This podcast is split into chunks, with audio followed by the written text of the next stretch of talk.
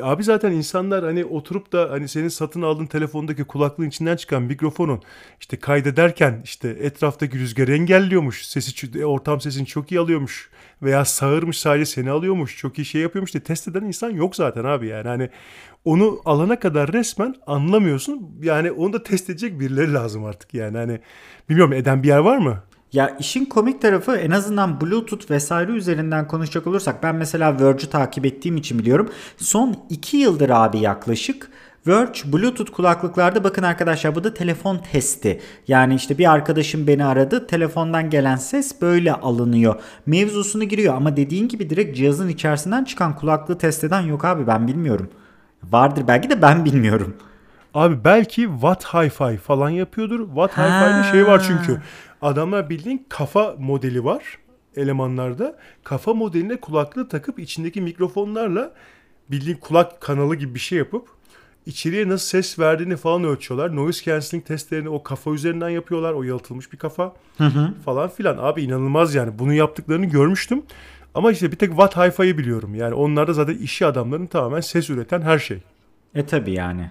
Ama gerçekten cihazın içerisinden çıkan herhangi bir kulaklıkla, herhangi bir e, cihazla böyle bir şey abi yaptıklarını ben e, bilmiyorum ki hani daha önce sana hani kişisel de böyle söyleyince de çok şey oluyor sanki özeldeyken biz seninle e, konuşurken gel, bu e, oyun gezerdeki İngiltere mevzusunu anlatmıştım. Orada biz World of Warships'in lansmanı vardı, e, çıkış lansmanı. Onun için gitmiştik basın e, mahiyeti olarak yani toplandık gittik. Abi orada gerçekten ben bütün gemi turunu e, iPhone 6'nın kendi kulaklıklı yani mikrofonlu kulaklık sistemiyle çektim. Dışarıda fırtına var ama bana mısın demiyor alet. Ve yani herhangi birisine işte mobil cihazlarla bir şey yapılır mı sorusu sorduğunda ki ben o zamanlar doğru düzgün işte auto exposure, auto focus lock sistemini falan kullanmayı çok iyi bilmiyordum. E, Filmic Pro kullanmıyordum o dönemde. Filmic Pro kullanmadığın zaman audio gain gibi şeyleri giremiyorsun zaten. Ama bunları bilmediğim halde gayet bütün o geziyi ben telefonla çektim ve tripod falan da yoktu. Yani herhangi bir şekilde gimbal vesaire de yoktu. Gayet elimde tutarak telefonla çekmek durumunda kalmıştım. Ortaya çıkan iş çok profesyonel, çok harika vesaire değil. Hani bir color correction vesaire de yapmamıştım doğru düzgün ama en azından herhangi bir ihtiyacını ya da herhangi bir şeyi çekebileceğine dair bir referansım var. Yani insanlar diyor ya abi işte herhangi bir şekilde video işine girmek için bilmem ne için ne yapmalıyım? Abi zaten cebindeki telefon dünyalara bedel. Yani eskiyle kıyaslanınca dünyalara bedel. Ama gerçekten bu kulaklıklı mikrofon olayları belki bence böyle bir site açalım biz. Bütün telefonları alalım sadece kulaklıklı şey mikrofonlu kulaklıklarını onu da hep ters söylüyorum ben. Mikrofonlu kulaklıklarını alalım sürekli onlar üzerinden arama testi yapalım. Abi çok çok enteresan olur. Tutar da ya mobil o prodüksiyon işinde çünkü abi şey var. Ekstra mikrofon almak ciddi para. Yani hani eğer sadece içinden gelen şeyle yapacaksan çünkü abi bugün mesela bir kablosuz seramik miydi markası? Hangi ee, şey bir Sennheiser'ın değil yok, de Rode'nin bir tane yeni çıktı. Rod, Rod abi Rod, Rod Rode nasıl okunuyorsa ondan bahsetmiyorum. Onlar zaten abi üst seviye. Onlar zaten şeysiz o, e, Rod Sennheiser falan dediğin zaman olay orada kopuyor zaten de.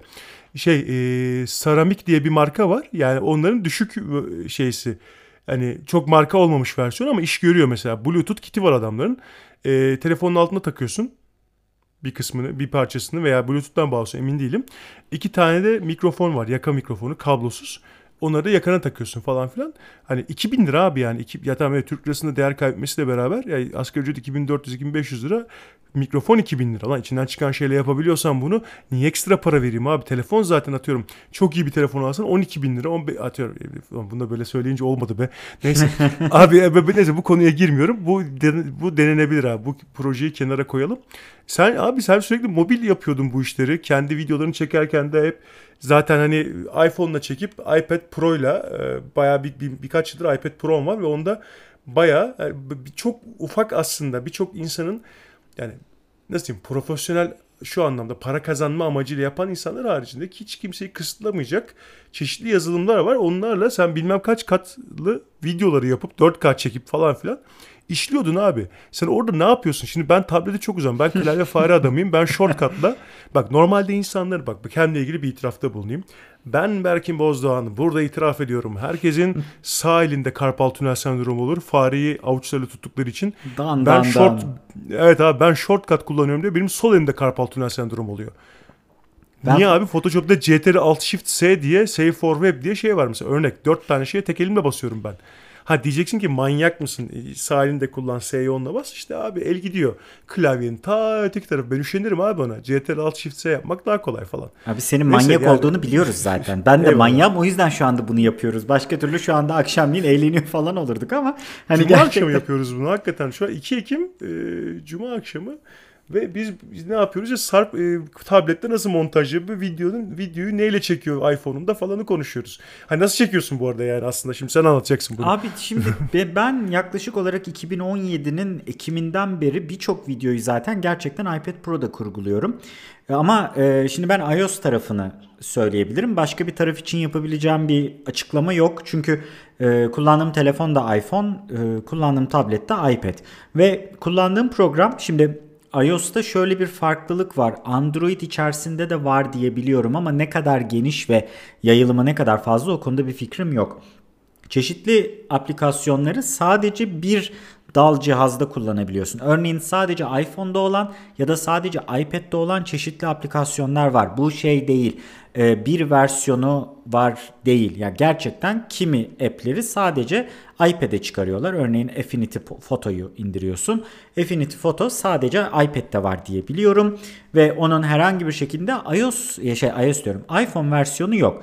Benim kullandığım program LumaFusion. Ben 2017'de tableti almaya karar verdiğimde ki 2,5-3 aylık falan bir araştırma yapmıştım.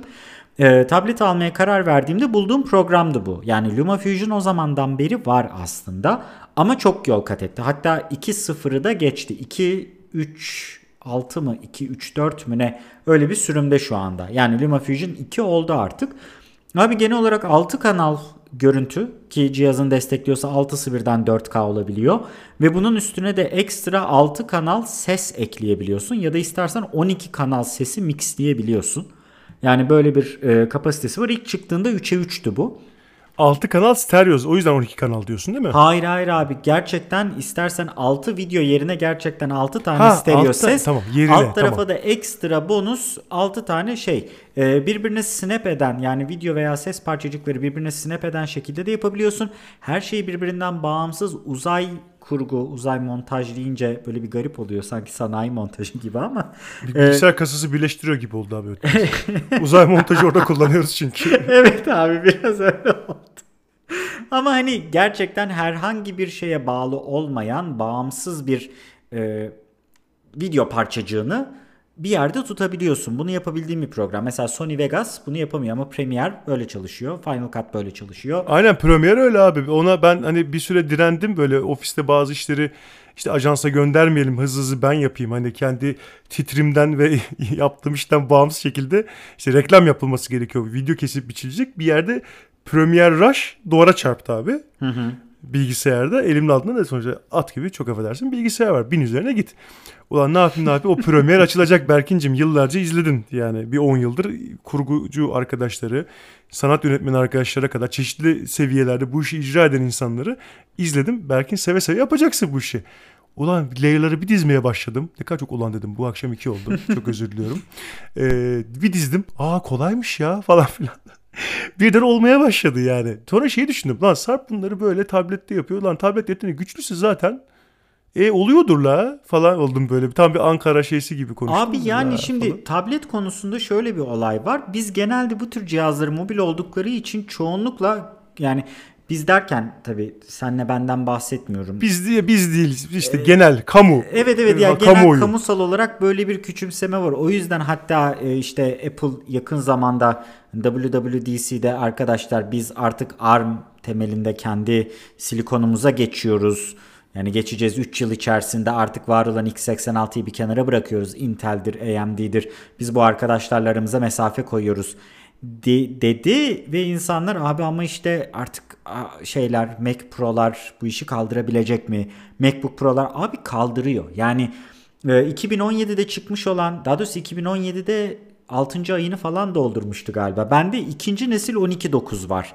Yani 120 Hz ekranı olan ama tasarım olarak eski iPad'lerden var. O ikinci nesil 12.9 diyeyim. Şimdi hı hı. E, bu alet gerçekten 4K 100 megabit per second videoyu koyuyorum. Üstünde color correction için LUT var. Anlatacağım neler olduğunu. Ardından e, LUT'un üstüne bir ya da iki tane daha farklı yine color correction için şey koyuyorum. Altta iki ya da üç tane parçadan oluşan ses var. Çünkü bir tanesi benim ekstra eklediğim ses. Genelde alışkanlık videoyla yani videoda daha doğrusu görüntüyle sesi birbirinden ayrı alıyorum. Birisi arızalı çıkarsa diğerini kullanabileyim diye. Ee, o sistem artı müzik artı ses efektlerinin olduğu kanal. 3 kanalda ses var. Abi 4K bir videoyu video süresi bölü 4'te render alabiliyordu. Yani bu ne demek? 1 saatlik bir videonun renderını 15 dakikada alabiliyor yaklaşık.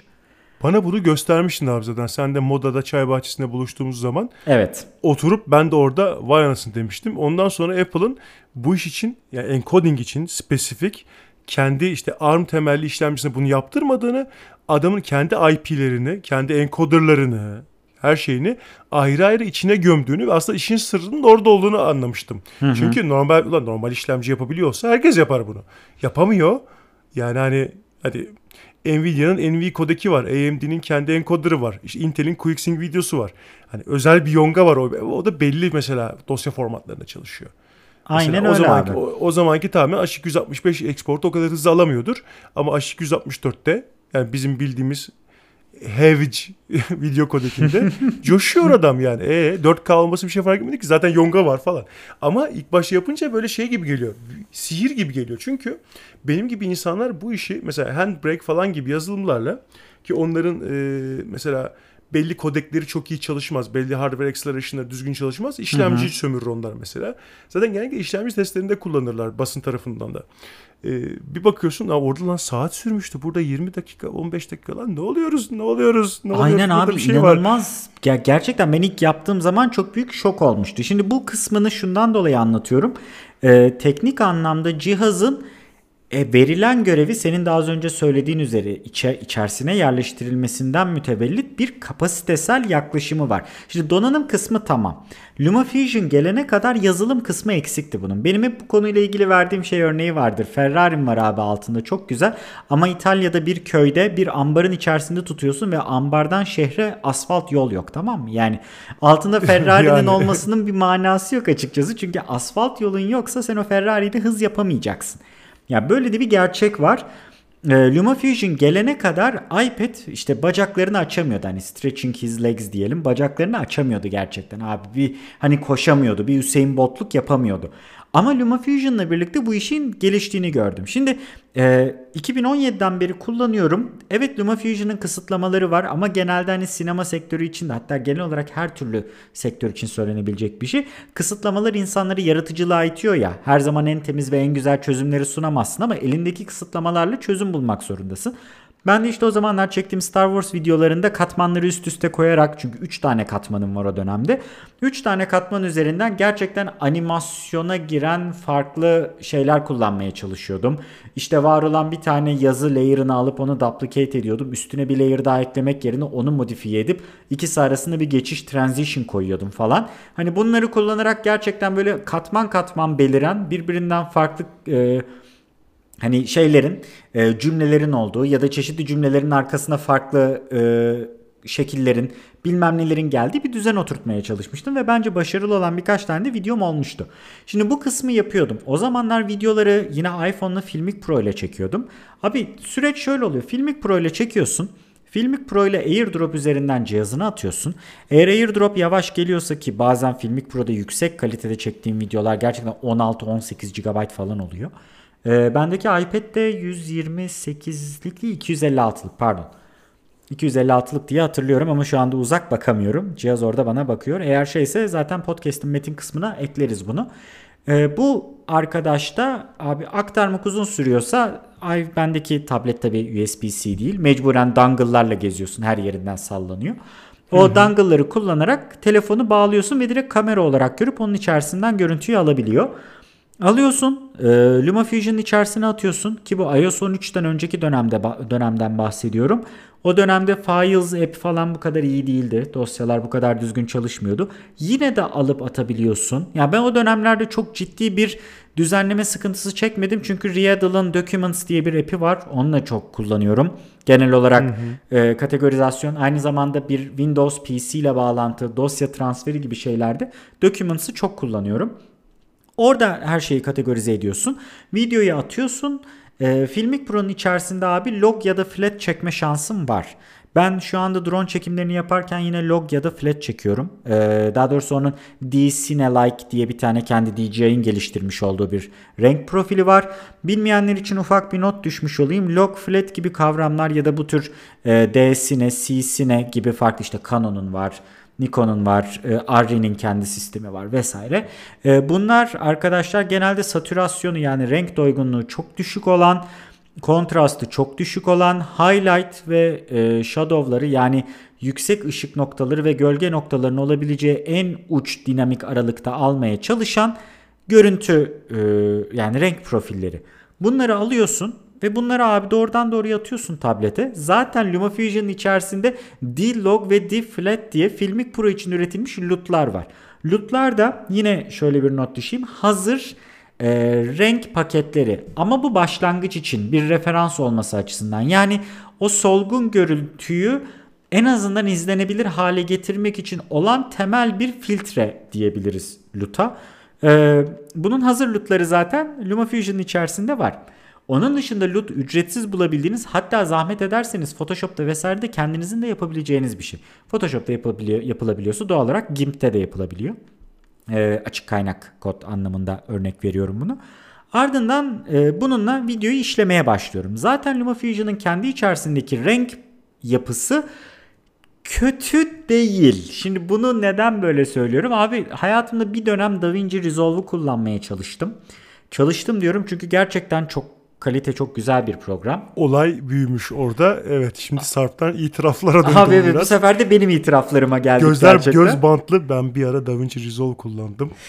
Oradan filmden gelip Sarp'ı paketliyorlar anlatmasın diye. Abi ama yapacak bir şey yok. Biri mobil uygulama ötekisi masa üstünde bu işin şeysi standardı falan Abi yani. şimdi Neyse. gerçekten hani e, renk histogramı waveformlarla ilgili olan waveformlarla waveform ne ya? Waveformlarla ilgili şeyler. Şimdi renklerin algılanması ile ilgili çok ilginç dalga boyu e, analiz grafikleri var aslında. Şimdi bunların teknik isimleri var. Bu teknik isimleri bilmiyorum.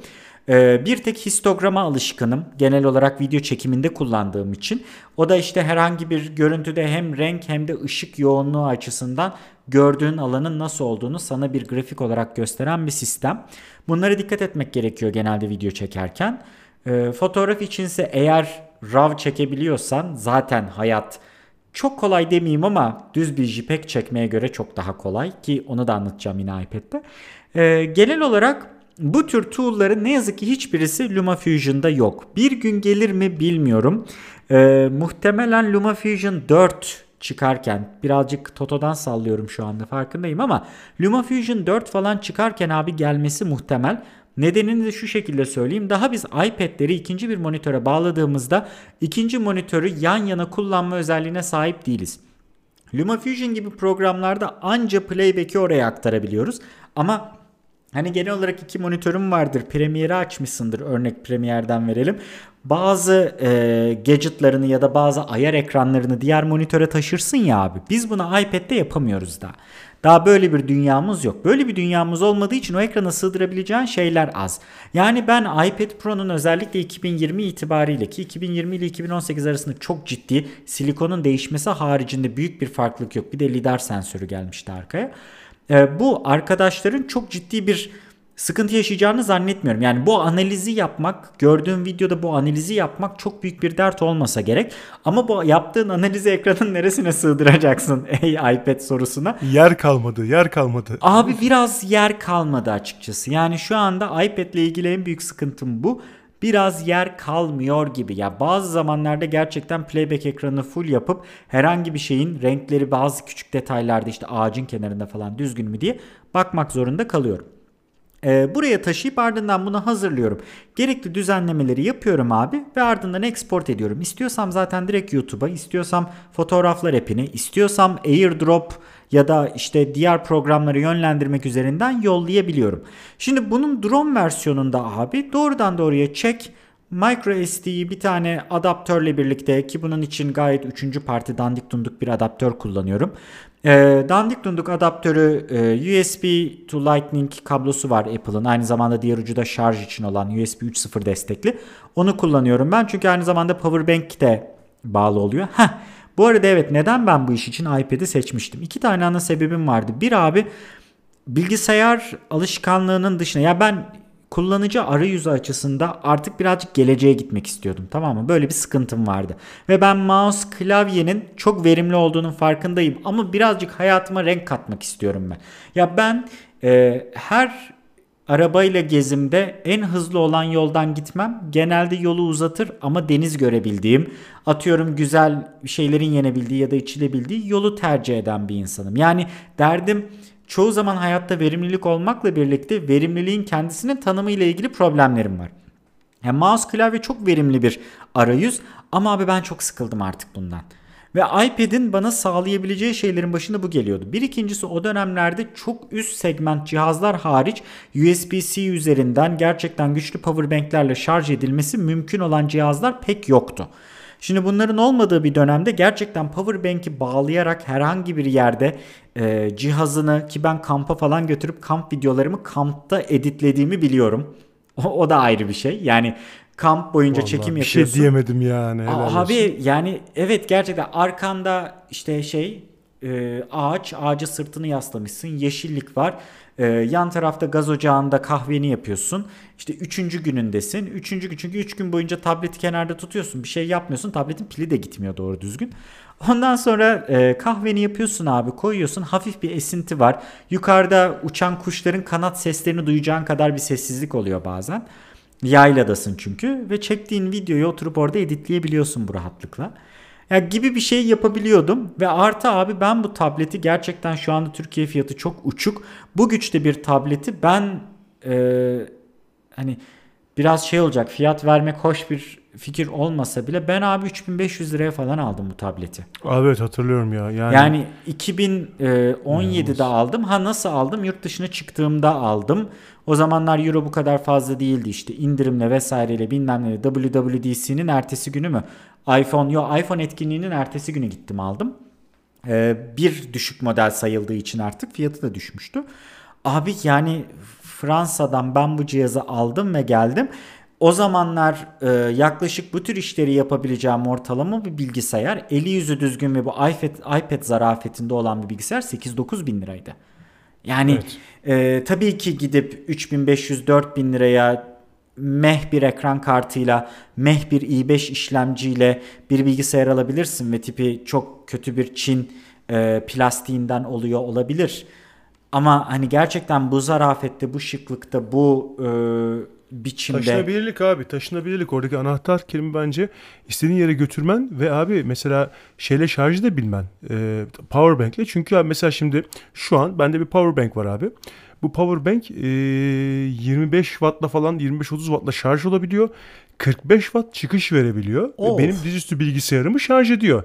Ya bütün aslında MacBook Pro'ları bütün USB-C üzerinden şarj olan e, birkaç model hariç bütün dizüstü bilgisayarları neredeyse yarıdan fazla şarj edebiliyorsun sen bu powerbank'le. Powerbank ya bu arada normalde iki tane de USB-A çıkışı var. C, C üzerindeki C portu abi markasını söyleyeyim Xiaomi'nin 20 bin miliamperlik işte Powerbank 3 diye mi ne geçiyor? Üçüncü versiyon olarak geçiyor. USB-C üzerinden mesela 45 wattlık adaptörle şarj edebildiği gibi kendisi de 45 watt çıkış verebiliyor. Dolayısıyla notebook'unu taktığın zaman abi işte şeylere kadar hani şimdiki MacBook Pro üzerinden örnek vereyim. 16 inçlik MacBook Pro'yu şarj etmez. Ya eder de kapalıyken eder. Çünkü açıkken ekran kartı çalışıyorken 60-80 watt falan yiyor çünkü onlar. Hani adaptörden o kadar çekmek zorunda. Abi böyle powerbank'ler var. Abi işte iyi de o powerbank o kadar verimli değil. Çünkü voltajı yükselttikçe içindeki verimlilik de düşmeye başlıyor. Çünkü ısı ortaya çıkıyor. Çünkü orada ciddi bir e, çevirme olayı var. E, Neyse e abi ama sen normal power bank kullanıyordun o zaman zaten bunlar 45 watt verebilenler yoktu. Sen bunlara şarj ediyorum diye bana göstermiştin.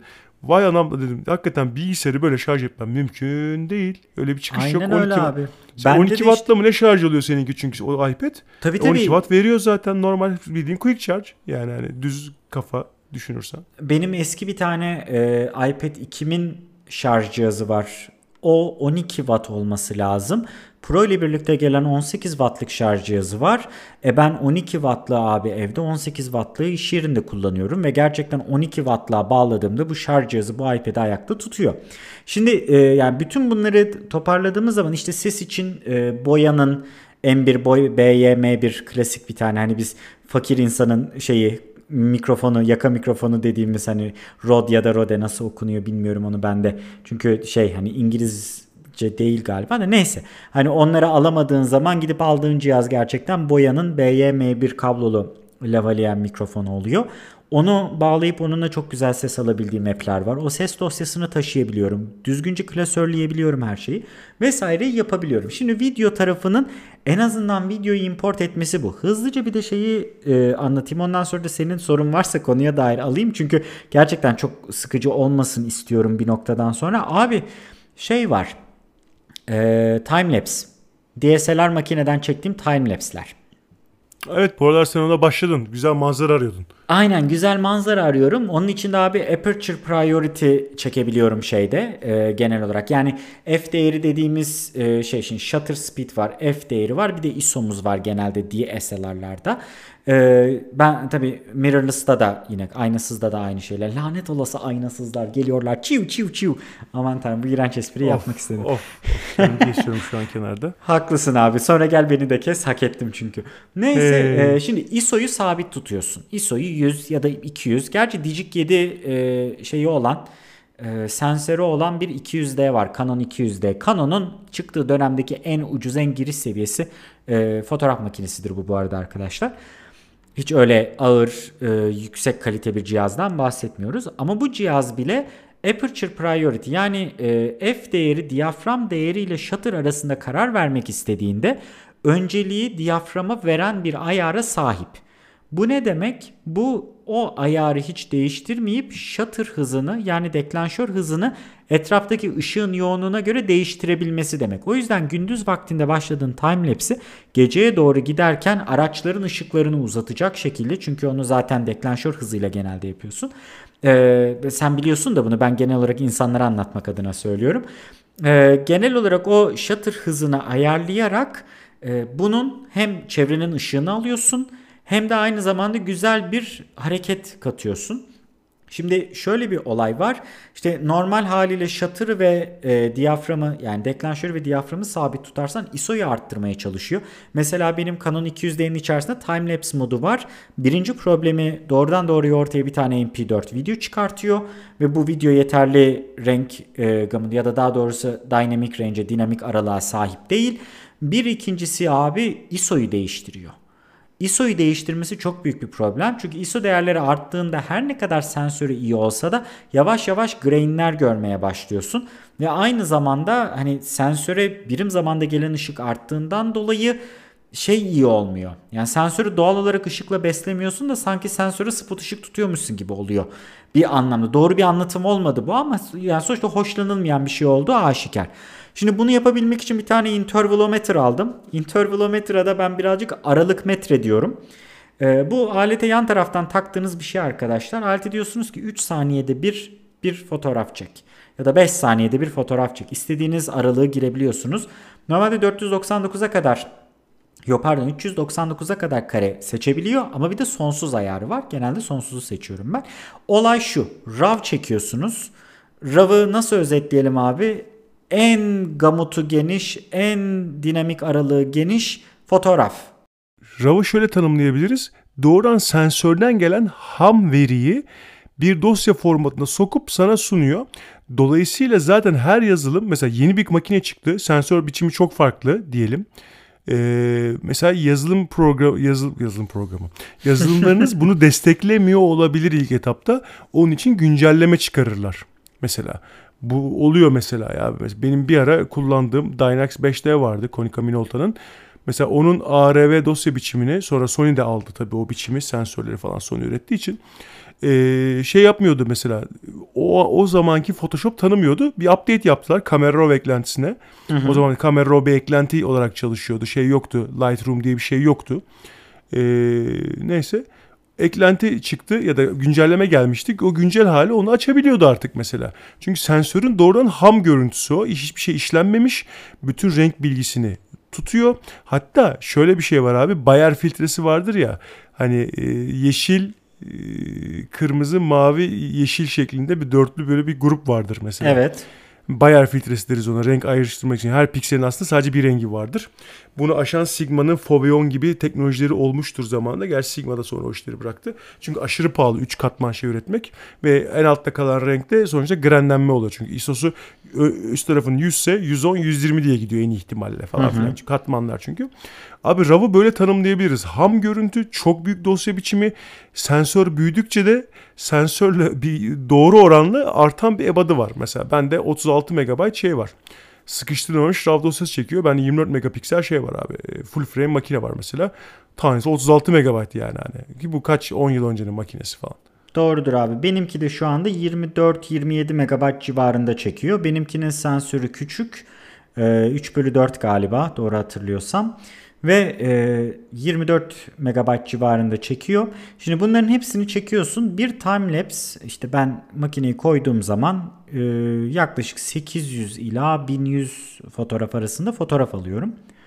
Sonra bu fotoğrafları doğrudan doğruya SD kartına işte RAW şeyi olarak teşekkür ederim bu arada açıklama için. Hem benim de unuttuğum bazı şeyleri hatırlatmış oldun. Çünkü yani evet gerçekten en çıplak datası doğru bir anlatım oluyor benim şey yapmamdan öte. Ee, bunlar abi yine aynı e, işte USB to Lightning sisteminden tablete aktarıyorum. Tablette Lightroom aboneliğim var. Aylık 17.99 veriyorum şu anda. Bu ilginçtir. Apple'ın Creative şey Apple diyorum. Adobe'nin Creative Cloud'una girdiğin zaman internette böyle bir paketi yok. Çünkü bu doğrudan doğruya Lightroom'un mobil versiyonu için olan bir paket. Seçiyorsun abi 17.99 hani bir bira parası kabaca şeyde söylediğim. Hani bunda bir arkadaş abi işte bu da şimdi para bilmem ne falan dedim de o da abi şu anda ne içiyorsun dedi. Dedim bira içiyorum. bir tane içmeyi ver dedi. Tamam abi özür dilerim dedim. hani güzel gibi... güzel nokta. Güzel Aynen nokta güzel demiş. bir nokta oldu gerçekten. Abi oraya atıyorum ve Lightroom'un mobili bunu zaten insanlar genelde duymuştur diye tahmin ediyorum. Duymadılarsa da çok özet söyleyeyim. Arkadaşlar çok sağlam. Gerçekten hani masa üstündeki performansının büyük çoğunluğunu %80 %90 performansını gerçekten tablette taşıyabiliyor. Burada abi işte 800 ila 1000 fotoğrafın en baştakine bir color correction uyguluyorum. Uyguladığım color correction'ı alıyorum. En sona götürüyorum. En son fotoğrafa yapıştırıyorum. O fotoğrafta nasıl göründüğüne bakıyorum. Sonra ona göre ayarlıyorum. Tekrar en baş, tekrar en son, tekrar en baş, tekrar en son. Bu şekilde bir aynı oluşturduğum filtreyi yani fotoğrafa özel filtreyi ayarladıktan sonra alıp ortalarda 2 ya da 3 800 fotoğrafsa bir 200. bir 400. bir 600. fotoğrafta mesela. Bunları atarak tekrar bir duruma bakıyorum. Genel olarak iyi mi kötü mü diye. En son her şeyden memnun kaldığım zaman select all deyip hepsini seçip bütün hepsini yapıştırıyorum. Sonra tableti elektriğe bağlayıp bir kenara bırakıyorum. Çünkü abi gerçekten 800 küsür ya da 1000 küsür fotoğrafı tek tek bütün onların e, uygulanması biraz zaman alıyor. Birazcık mı zaman alıyor? Bize süre ver Sarp açık konuş. Abi yani yaklaşık tanesinin 3 ila 4 saniye arasında olduğunu düşün düşünemedi. Yani hatta 3 biraz fazla oldu. 2 ila 3 diyelim. Özür dilerim. 4 fazla 2 ila 3 saniye arasında olduğunu düşün. Ee, bütün fotoğrafları yapıyorsun. Fotoğrafların hepsi bittikten sonra fotoğrafları seçiyorum. Ardından bunları share diyorsun. Paylaş diyorsun. Ee, tabii bunların renderlanması lazım. Çünkü RAW data tabii ki ham data. Yani o ham verinin hey. bir şekilde renderlanması lazım abi. Ee, render sürecine giriyor. Yine tanesi için 3'er saniye bekliyorsun. Tabii 860 tane olunca bu 3 saniye. Ama şey şimdi Aiden Robbins diye bir tane çocuk var. Çocuk dediğime de bakmayın. Hani aşağılamak anlamında değil. Gerçekten bana göre çok genç. Sana göre de çok genç. Ee, bir arkadaş. Onun mesela böyle bir timelapse ile ilgili anlattığı video var. Orada da şey diyor. Arkadaşlar diyor timelapse'i bilgisayarınızda editlerken çocuk bayağı Mac Pro mu ne kullanıyor? Ee, ya da yok iMac'te kullanıyor olabilir özür dilerim. Ee, çocuk orada diyor ki arkadaşlar bu olurken gidip bir timelapse daha çekebilirsiniz yani. Sabahtan bunu bırakın akşama gelirsiniz. Benimki o kadar sürmüyor. Bütün timelapse işimi 2,5 saatte falan bitirebiliyorum. Ee, ondan sonra fotoğraflar renderlanınca diyorum ki bunları LumaFusion'a at. LumaFusion'a atılması ile ilgili daha kısa süren bir süreç var. Sonra abi gerçekten hepsini bir frame olarak ayarlayıp bunu yapmak mümkün LumaFusion'da. Bir e, Premiere'deki sequence gibi değil ama doğrudan doğruya seçip hepsini tutup LumaFusion'ın timeline'ine bıraktığın zaman cuk diye abi gayet güzel e, geliyor. Ne yazık ki bütün olarak bir müdahale yapma şansın yok. LumaFusion'ın en büyük eksiklerinden bir tanesi Adjustment Layer dediğimiz sistem ki genelde Adobe programlarını kullananlar aşinadır buna. Altında olan bütün layer'ların hepsine müdahale edebilen bir layer'dır Adjustment Layer. Doğru biliyorsam LumaFusion'da daha bu yok. Gelmesini çok isterim. E, çünkü böyle bir fotoğraf yığınına koyduğun zaman bu fotoğraf yığının hepsine bir şeyi yani herhangi bir noktada bir şey değiştirmek istedin. Ya birinin rengini tintine atıyorum eksi 5 yapacaksın. İşler zor. Çözümü var. Çözümü şu birinci fotoğrafa yaparsın. Bütün fotoğrafları seçersin. Hepsine paste edersin yapıştırırsın. Bunu yapmak mümkün. Yani işte sınırlamalar sana çözüm bulduruyor. Bazen uzatıyorsun e, kolunu diğer kulağına götürmek için uğraşıyorsun ama Çözüm buluyorsun. Ardından yine abi export. Yine istediğin yere koyma. Yani bütün bunları ki bak e, şeyleri hiç girmiyorum. Ofis işlemlerini yapabiliyorsun. İşte Numbers'la, Keynote'la, Pages'la her türlü şey yazabiliyorsun. Ee, işte ofisin e, versiyonunu almak bilmem ne. Ben bir proje yönetirken projenin bütün spreadsheetlerini yani Excel e, tablosu diyebileceğimiz genelde hani Selpak mendil usulünde Excel tablosu bütün sistemlerini Excel'le paslaşarak çalışarak ben tablette yaptım. Ve bunların her bir spreadsheet'in alt tarafta 12 sayfası falan vardı yani 12 tebi falan vardı. Abi ben sana şunu söyleyeyim. Bende iPad Air 2 vardı. Şu an pili arızalandı yaptıracağım bir ara. Bir de ekranın değişmesi lazım. Yenisini alamadığım için bunları yaptırma yoluna gidiyorum. Normalde hani uğraşmam şey yaparım. Çok zengin olduğum için falan diyor. Tabii canım hangimiz değiliz ki aman tanrım. Para para para basıyordu. Neyse yeni iPad fiyatlarını görünce bir de o şeyle böyle LTE modemli falan hani e, alınması mümkün değil. Yeni sıfırını bile alamam şu an. Ee, neyse bu podcastlerden zengin olunca işte artık ben yani alır inşallah alırım falan diyormuş. Ee, abi e, ben onu uzun süre şey için kullandım. Bir tane benim çok güzel bir Logitech klavyem vardı Bluetooth. Onunla bağlayıp e, doğrudan ofis yazılımları, Microsoft'un ofis yazılımlarını kurup OneDrive'la beraber doğrudan bulut üzerinden yani her şeyi açıp içinde iş yapıp geri kapatıp falan filan yani çok iş yaptım ben onunla ya bir ara. Sonra kendime çok ucuza böyle 1200 liraya falan bir tane çok dandik bir laptop almıştım. E, işlemci konusunda sorun yaşamıyordum ama 32 GB eMMC depolaması vardı. O biraz sıkıntılıydı. Ben o cihazını ee, hatırlıyorum galiba senin Evet abi ya. sonra da, dayıma verdim o cihazı. Abi içinde, içinde fan yoktu. İşte pil ömrü 10 saat falan çünkü işlemci çok şey yani minnoş bir işlemci vardı içinde. Ama abi her işimi de görüyordum şimdi yani hani e, çünkü yazı yazman gerekiyor ve bilgisayar yap, kullanman lazım. Bir de şey yani çocuk bir klavyesi var kendi üzerinde. Ekranı da fena değil yani bakılabilir bir ekran falan filan. E tamam Microsoft Office yazılımlarını kurunca Windows'un yanı zaten doluyordu bütün hani depolama alanı ama ya bana yetiyordu abi yani hani çünkü e, bu arada ekmeğini de yedirdi o ben onu da söyleyeyim. Çalıştım iş yaptım para kazandım yani hani e, düşündüğün zaman e, para da para kendi ekmeğini çıkardı o yüzden emekli ettim. E, dayım internete falan giriyor. Kullanıyordur yani. yani hala şey. Zaten dediğim gibi ısınmıyor bir şey yapmıyor. Alt gibi de pil koymuşlar için açıp bakmıştım böyle neleri var falan filan diye. Hayvan gibi pil böyle 10 saat ne demek abi bugün 10 saat pili giden iş yaparken pili gidebilen notebook aldığın zaman yani iyi para veriyorsun. Çünkü neden? E, şey yani ya iPad oluyor o bilgisayarımsı bir şey oluyor veya abi işte bir markanın üst bir modeli oluyor. Ama bu dandik modellerde aynı şekilde işlemciler çok zayıf olduğu için gidiyor. 3.5 watt ve 2.5 watt ne işlemcisi var içinde. Aklıma gerçekten gülerim hala. Yani gerçekten çok iyi. Bu arada oradan hemen bir referans alacağım. Fansız ve ısınmıyor olma mevzusunu ben gerçekten hani bu ARM ya ARM diyoruz da ARM temelli diyelim geçelim ona. Hani bu konuya Aha. aslında birazcık daha Apple gerçekten cihazlarını değiştirmeye başladığında itmeli çekmeli çok gireriz bence biz ilerleyen zamanlarda da. Hani evet. şimdilik çok onun üstüne girmiyorum ama gerçekten abi incecik tırnak içinde söylüyorum bu göreceli bir şeydir sonuçta. Kimisine göre iPad hala çok hantal bir cihaz olarak geliyor olabilir. Saygı duyarım. Ama benim standardıma göre incecik bir cihazın abi bütün bunları yapabiliyor olması ve e, bunun Ege tabii bir, bir dolu sıkıntısı var. Hani çok da artık uzatmak istemiyorum şey konusunda. insanlar sıkılmıştır belki de e, benim sesimi tekrar tekrar sadece bu başlıkta duymaktan da. E, yani şeyi abi eksikleri var. Yazılımsal olarak çok fazla eksiği var özellikle. Yani onunla ilgili eleştirim olur. O ayrı bir nokta. Ama yani eğer insanlar isterse hani gerçekten neyi düzeltebilirler e, diye bir sorunun cevabı hani öyle bir düşünce şeyi de yapılabilir.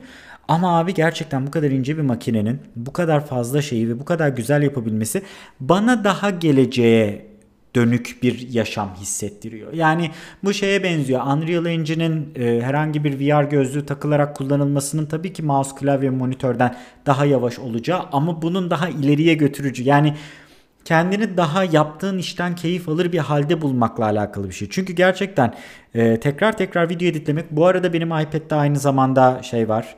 Art Studio Pro diye bir tane programım var. Layer yapısı ve temel işlev, işlevler açısından tam bir Photoshop klonu. Ee, ücretle alıyorsun tabi. Onu çok fazla küçük resim yaparken kullandım. Affinity Studio var. Affinity Studio gerçekten çok başarılı bir zaten Affinity'nin bir başka pardon Affinity Photo var. Affinity'nin bir başka versiyonu uzun zamandır Mac'te bir görsel işleme e, platformuymuş. Ben de iPad alınca öğrendim. Onlarla çok uzun süre ben küçük resimlerimi vesairelerimi hazırladım. Yani e, YouTube üzerinden şöyle söyleyeyim. Her şeyi yaparken başladığın Küçük resmi dahil olmak üzere her şeyini hazırladığın, uploadunu ettiğin, bütün analitiğini yürüttüğün bir şeyi tablete sıkıştırmak mümkündü.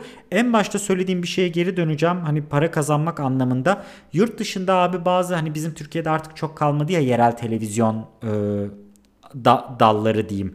Ya da Amerika'da da artık hepsi gittikçe yine Murdoch ailesine bağlanmaya başlıyor da hani en azından farklı farklı yerlerde küçük atıyorum WDC işte ABK falan diye böyle küçük e, televizyon istasyonları var yerel olarak. Abi oralarda çok fazla kişinin genel olarak gidip birisiyle ilgili bir breaking news'u çekip ardından bunu hızlıca tabletinde yapıp ardından LTE ile merkeze upload edip bir sonraki habere koştuğuna dair LumaFusion'da çok da fazla yani Luma Touch firmanın adı kayıtta var. Ya bu da aslında çok güzel bir şey. Yani insanlar bu tür şeyler içinde çok rahat kullanabiliyorlar bu sistemi. Ee, yani mümkün diyebilmek çok büyük bir şey bence. Çok başarılı bir şey. Diyorum ben hani bu noktada gerçekten ilk aklıma gelen derken kaç dakika oldu ama yani söyleyebileceğim şeyler bunlar abi. Heyecanlı da oldum, keyifli de olduğum bir konu. Hala kullanıyorum. Hiç pişman değilim.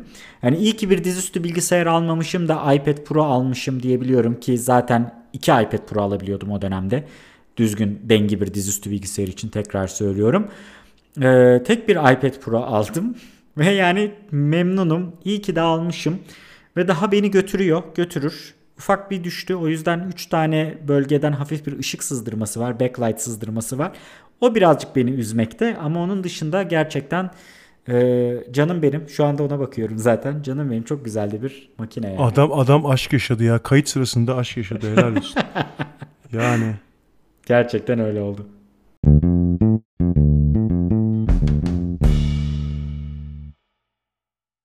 Abi valla yani e, bağlamak bizim işimiz diyeceğim ama yani e, şeyde bazı şeyleri de bağlamadan kaçman gerekiyor.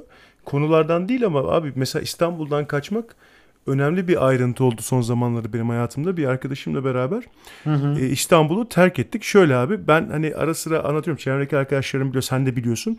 Ben Ocak sonunda zatüre geçirdim. E, Covid movid değildi. Düz zatüre yani. Hani çünkü bizim ofisimiz İstanbul Palladium Tower gibi bir alışveriş merkezi isim geldi. Karşıda alışveriş merkezi var aynı isimli de.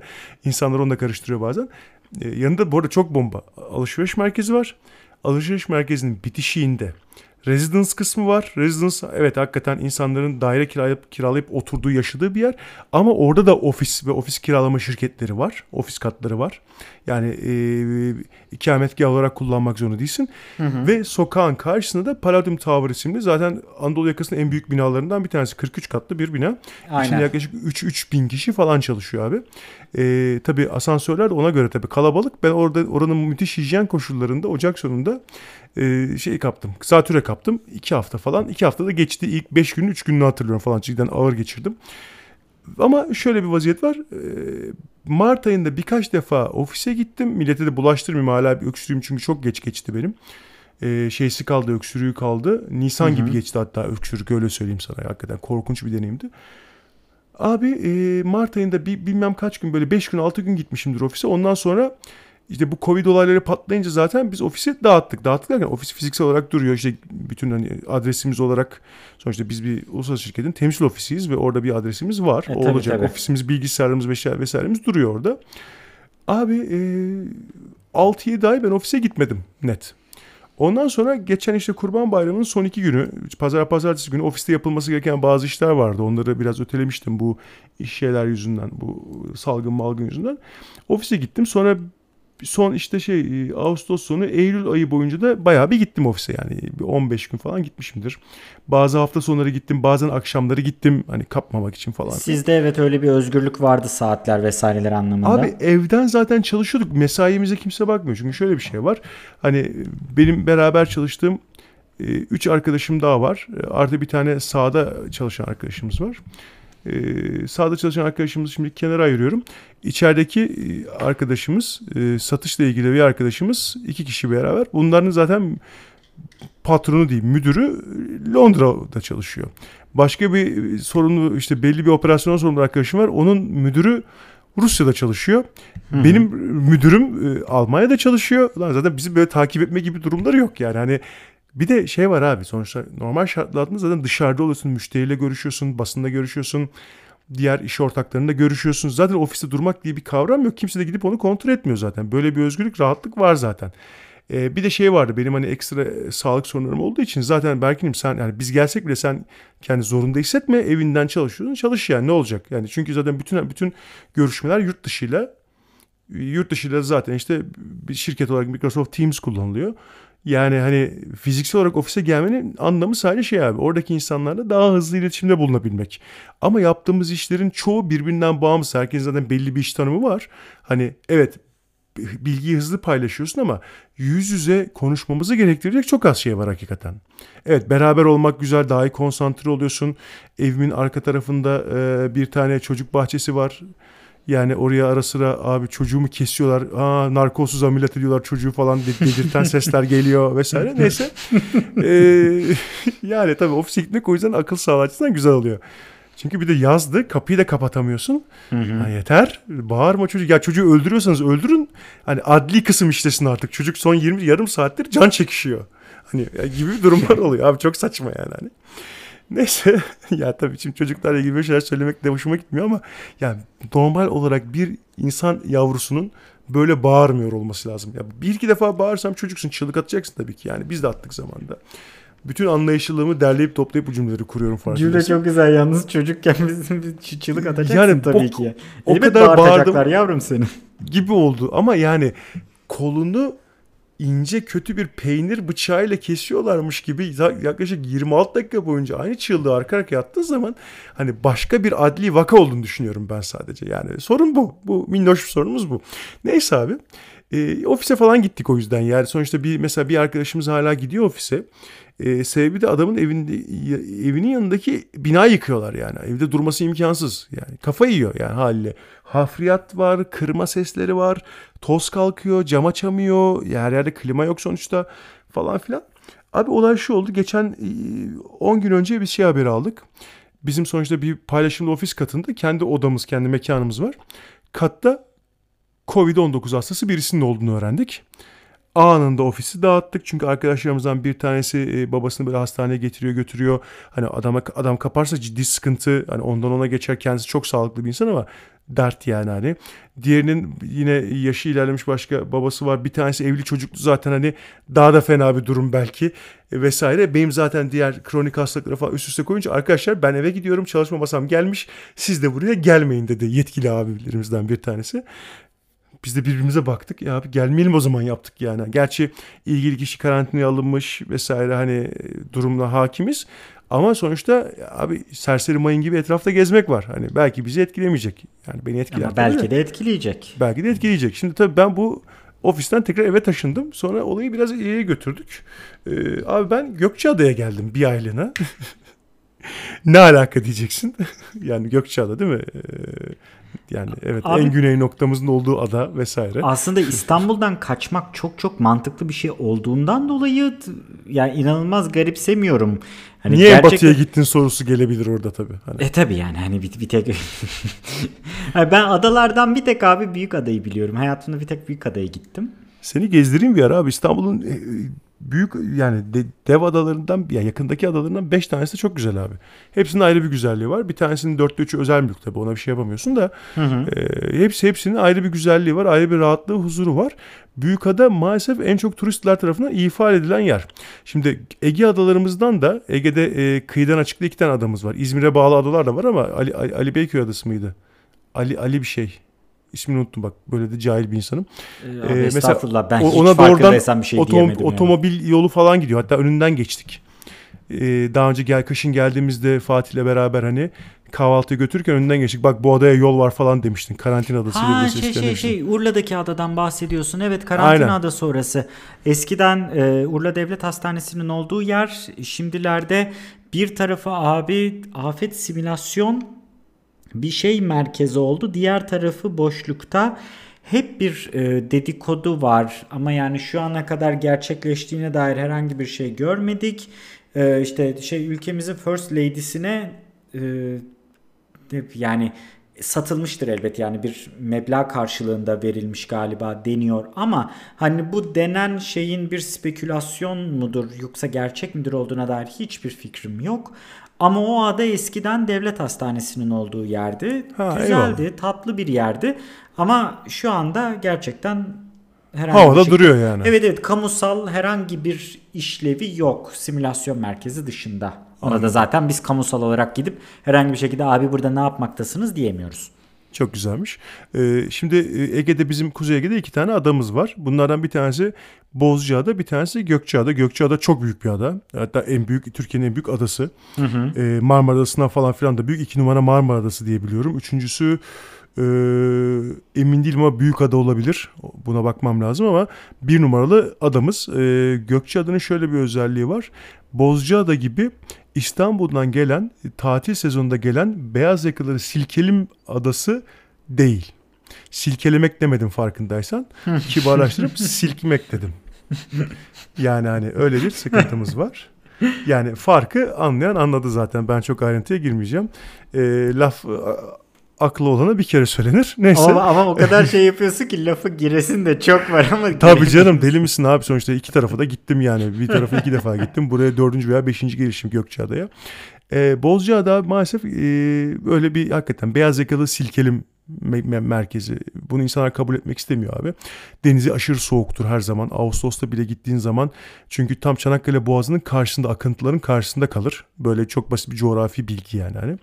E, daha kuzeyde olmasına rağmen teorik olarak daha soğuk olmasını beklemene rağmen e, Gökçeada'nın denizi daha sıcaktır. Tabi e, batı ucu daha soğuk olabilir Ege'ye çünkü baktığı için ama doğu tarafı ve kuzey tarafı o kadar soğuk değildir. Yani soğuk değil yani normal deniz sıcaklığı mevsiminde gidersen. Bir de şöyle bir şey var. Ada çok büyük olduğu için kimse kimseye çarpmıyor yolda yürürken. En kalabalık zamanında bile. Ama şu an biz e, Ekim başında geldiğimiz için buraya yani Eylül sonu Ekim başına geldiğimiz için abi zaten sezon kapanmış. Sezonun kapanması şu demek abi turistler gelmiş gitmiş. Adada sadece adada yaşayan yaklaşık 10 bin kişi var. Evet abi yani yani sadece 10 bin kişi yaşıyor burada. Böyle bir tenhalık söz konusu. Aslında Adanın... yine de 10 bin az gibi gelmiyor bana abi ya. Abi 286 kilometre karelik bir alandan bahsediyoruz. Ha. Ve 9 bin e, yani hani 2018 sayımına göre 9700 kişi varmış burada. Ee, yani hani O zaman evet kişi başına düşen kilometre kare bayağı fazla oluyor. Haklısın. Evet abi aynen. Sorun sor, sorun demeyeyim de hani aslında nokta o. Yani gerçekten insanlar birbirine çarpmıyor. Burada çeşitli köyler var. Bazıları çok uzaklarda. Ama adanın genellikle ulaşım e, en batısındaki Kuzu Limanı'ndan olduğu için Çanakkale üzerinden, Kabatepe üzerinden e, dolayısıyla şey var. Hani batı tarafı daha çok, doğu tarafı daha çok yerleşilmiş durumda. Batı tarafı daha boş. E, tarım da yapılıyor burada. Özellikle burada ben Keçili Ada demeyi seviyorum. Çünkü çok keçi var. İnsan bu çok keçi mi çok onu sormak istiyorum. Mesela kaymakam veya belediye başkanını görsem soracağım abi. Yani hani burada keçi mi daha fazla? Gerçi şimdi baktım o kadar çok kedi de var. Kedi mi fazla? Keçi mi fazla? insan mı fazla diye soru sorsam çok abuk subuk karşılamazlar bence. Böyle bir şey. Tabii artık hava biraz burada soğumaya başlıyor. Burası her zaman rüzgarlı bir ada. O yüzden rüzgar sörfçülerini falan Avrupa'nın her tarafından özellikle Doğu Avrupa'dan çeken bir yer. Bulgaristan'ın mesela sezonda çok fazla Bulgar plakalı araba görüyorsun abi burada. Hakikaten Türkiye Bulgaristan'dan gelip e, feribotla buraya geçip burada rüzgar sörfü yapan insanlar var. Çok var hem de yani. Hani bir değil, iki değil, üç değil, beş değil. Böyle garip bir şeysi var. Şu an tabii ele tek çekilmiş. Normal köy hayatına dönmüş. Ben Yeni Bademli diye bir köyde şey tuttuk burada. Bir tane apart yer. Aylık kiralayınca tabii kiralar çok ucuza geliyor. Hani İstanbul'da bir evin kirasından çok çok daha düşük bir apart yani kendi binan var yani orada yaşıyorsun gibi düşün. Zaten işte, eşya sıkıntın yok bilmem ne aynen, yok. Mutfağın ıvırın zıvırın her şeyin var. Mutfakta her şey yok tabi onun bazılarını aldık tabii ki. O deneyimliyiz daha önce de çünkü 3-5 gün gelip e, kaldığın zaman çok yemek yapmıyorsun ama mesela bir ay kalacağın zaman yemek yapmak zorundasın burada. Böyle bir ufak minnoş ayrıntı var. E, yapıyorsun abi sorun değil.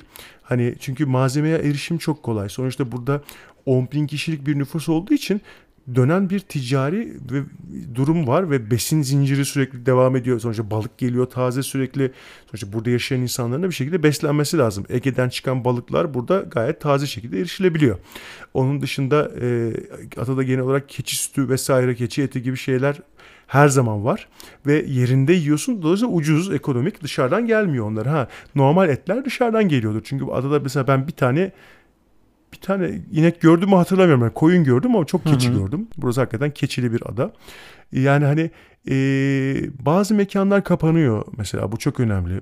Örneğin mesela adanın batısına doğru güney batısında bulunan mesela Las Koyu diye bir yer var. Adanın hakikaten diğer ucu. Neredeyse 15-20 kilometre falan uzakta. Ada çok büyük olduğu için. Mesela oradaki e, şey artık kapatmış mı sezon değil diye. Büfe müfe kapatmış.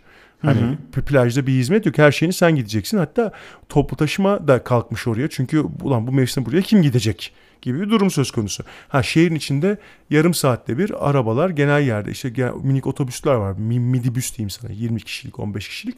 Onlar sürekli işliyor mesela. Onlar hiç durmuyor. Onlar dört mevsim sonuçta adadaki normal insan faaliyeti devam ediyor.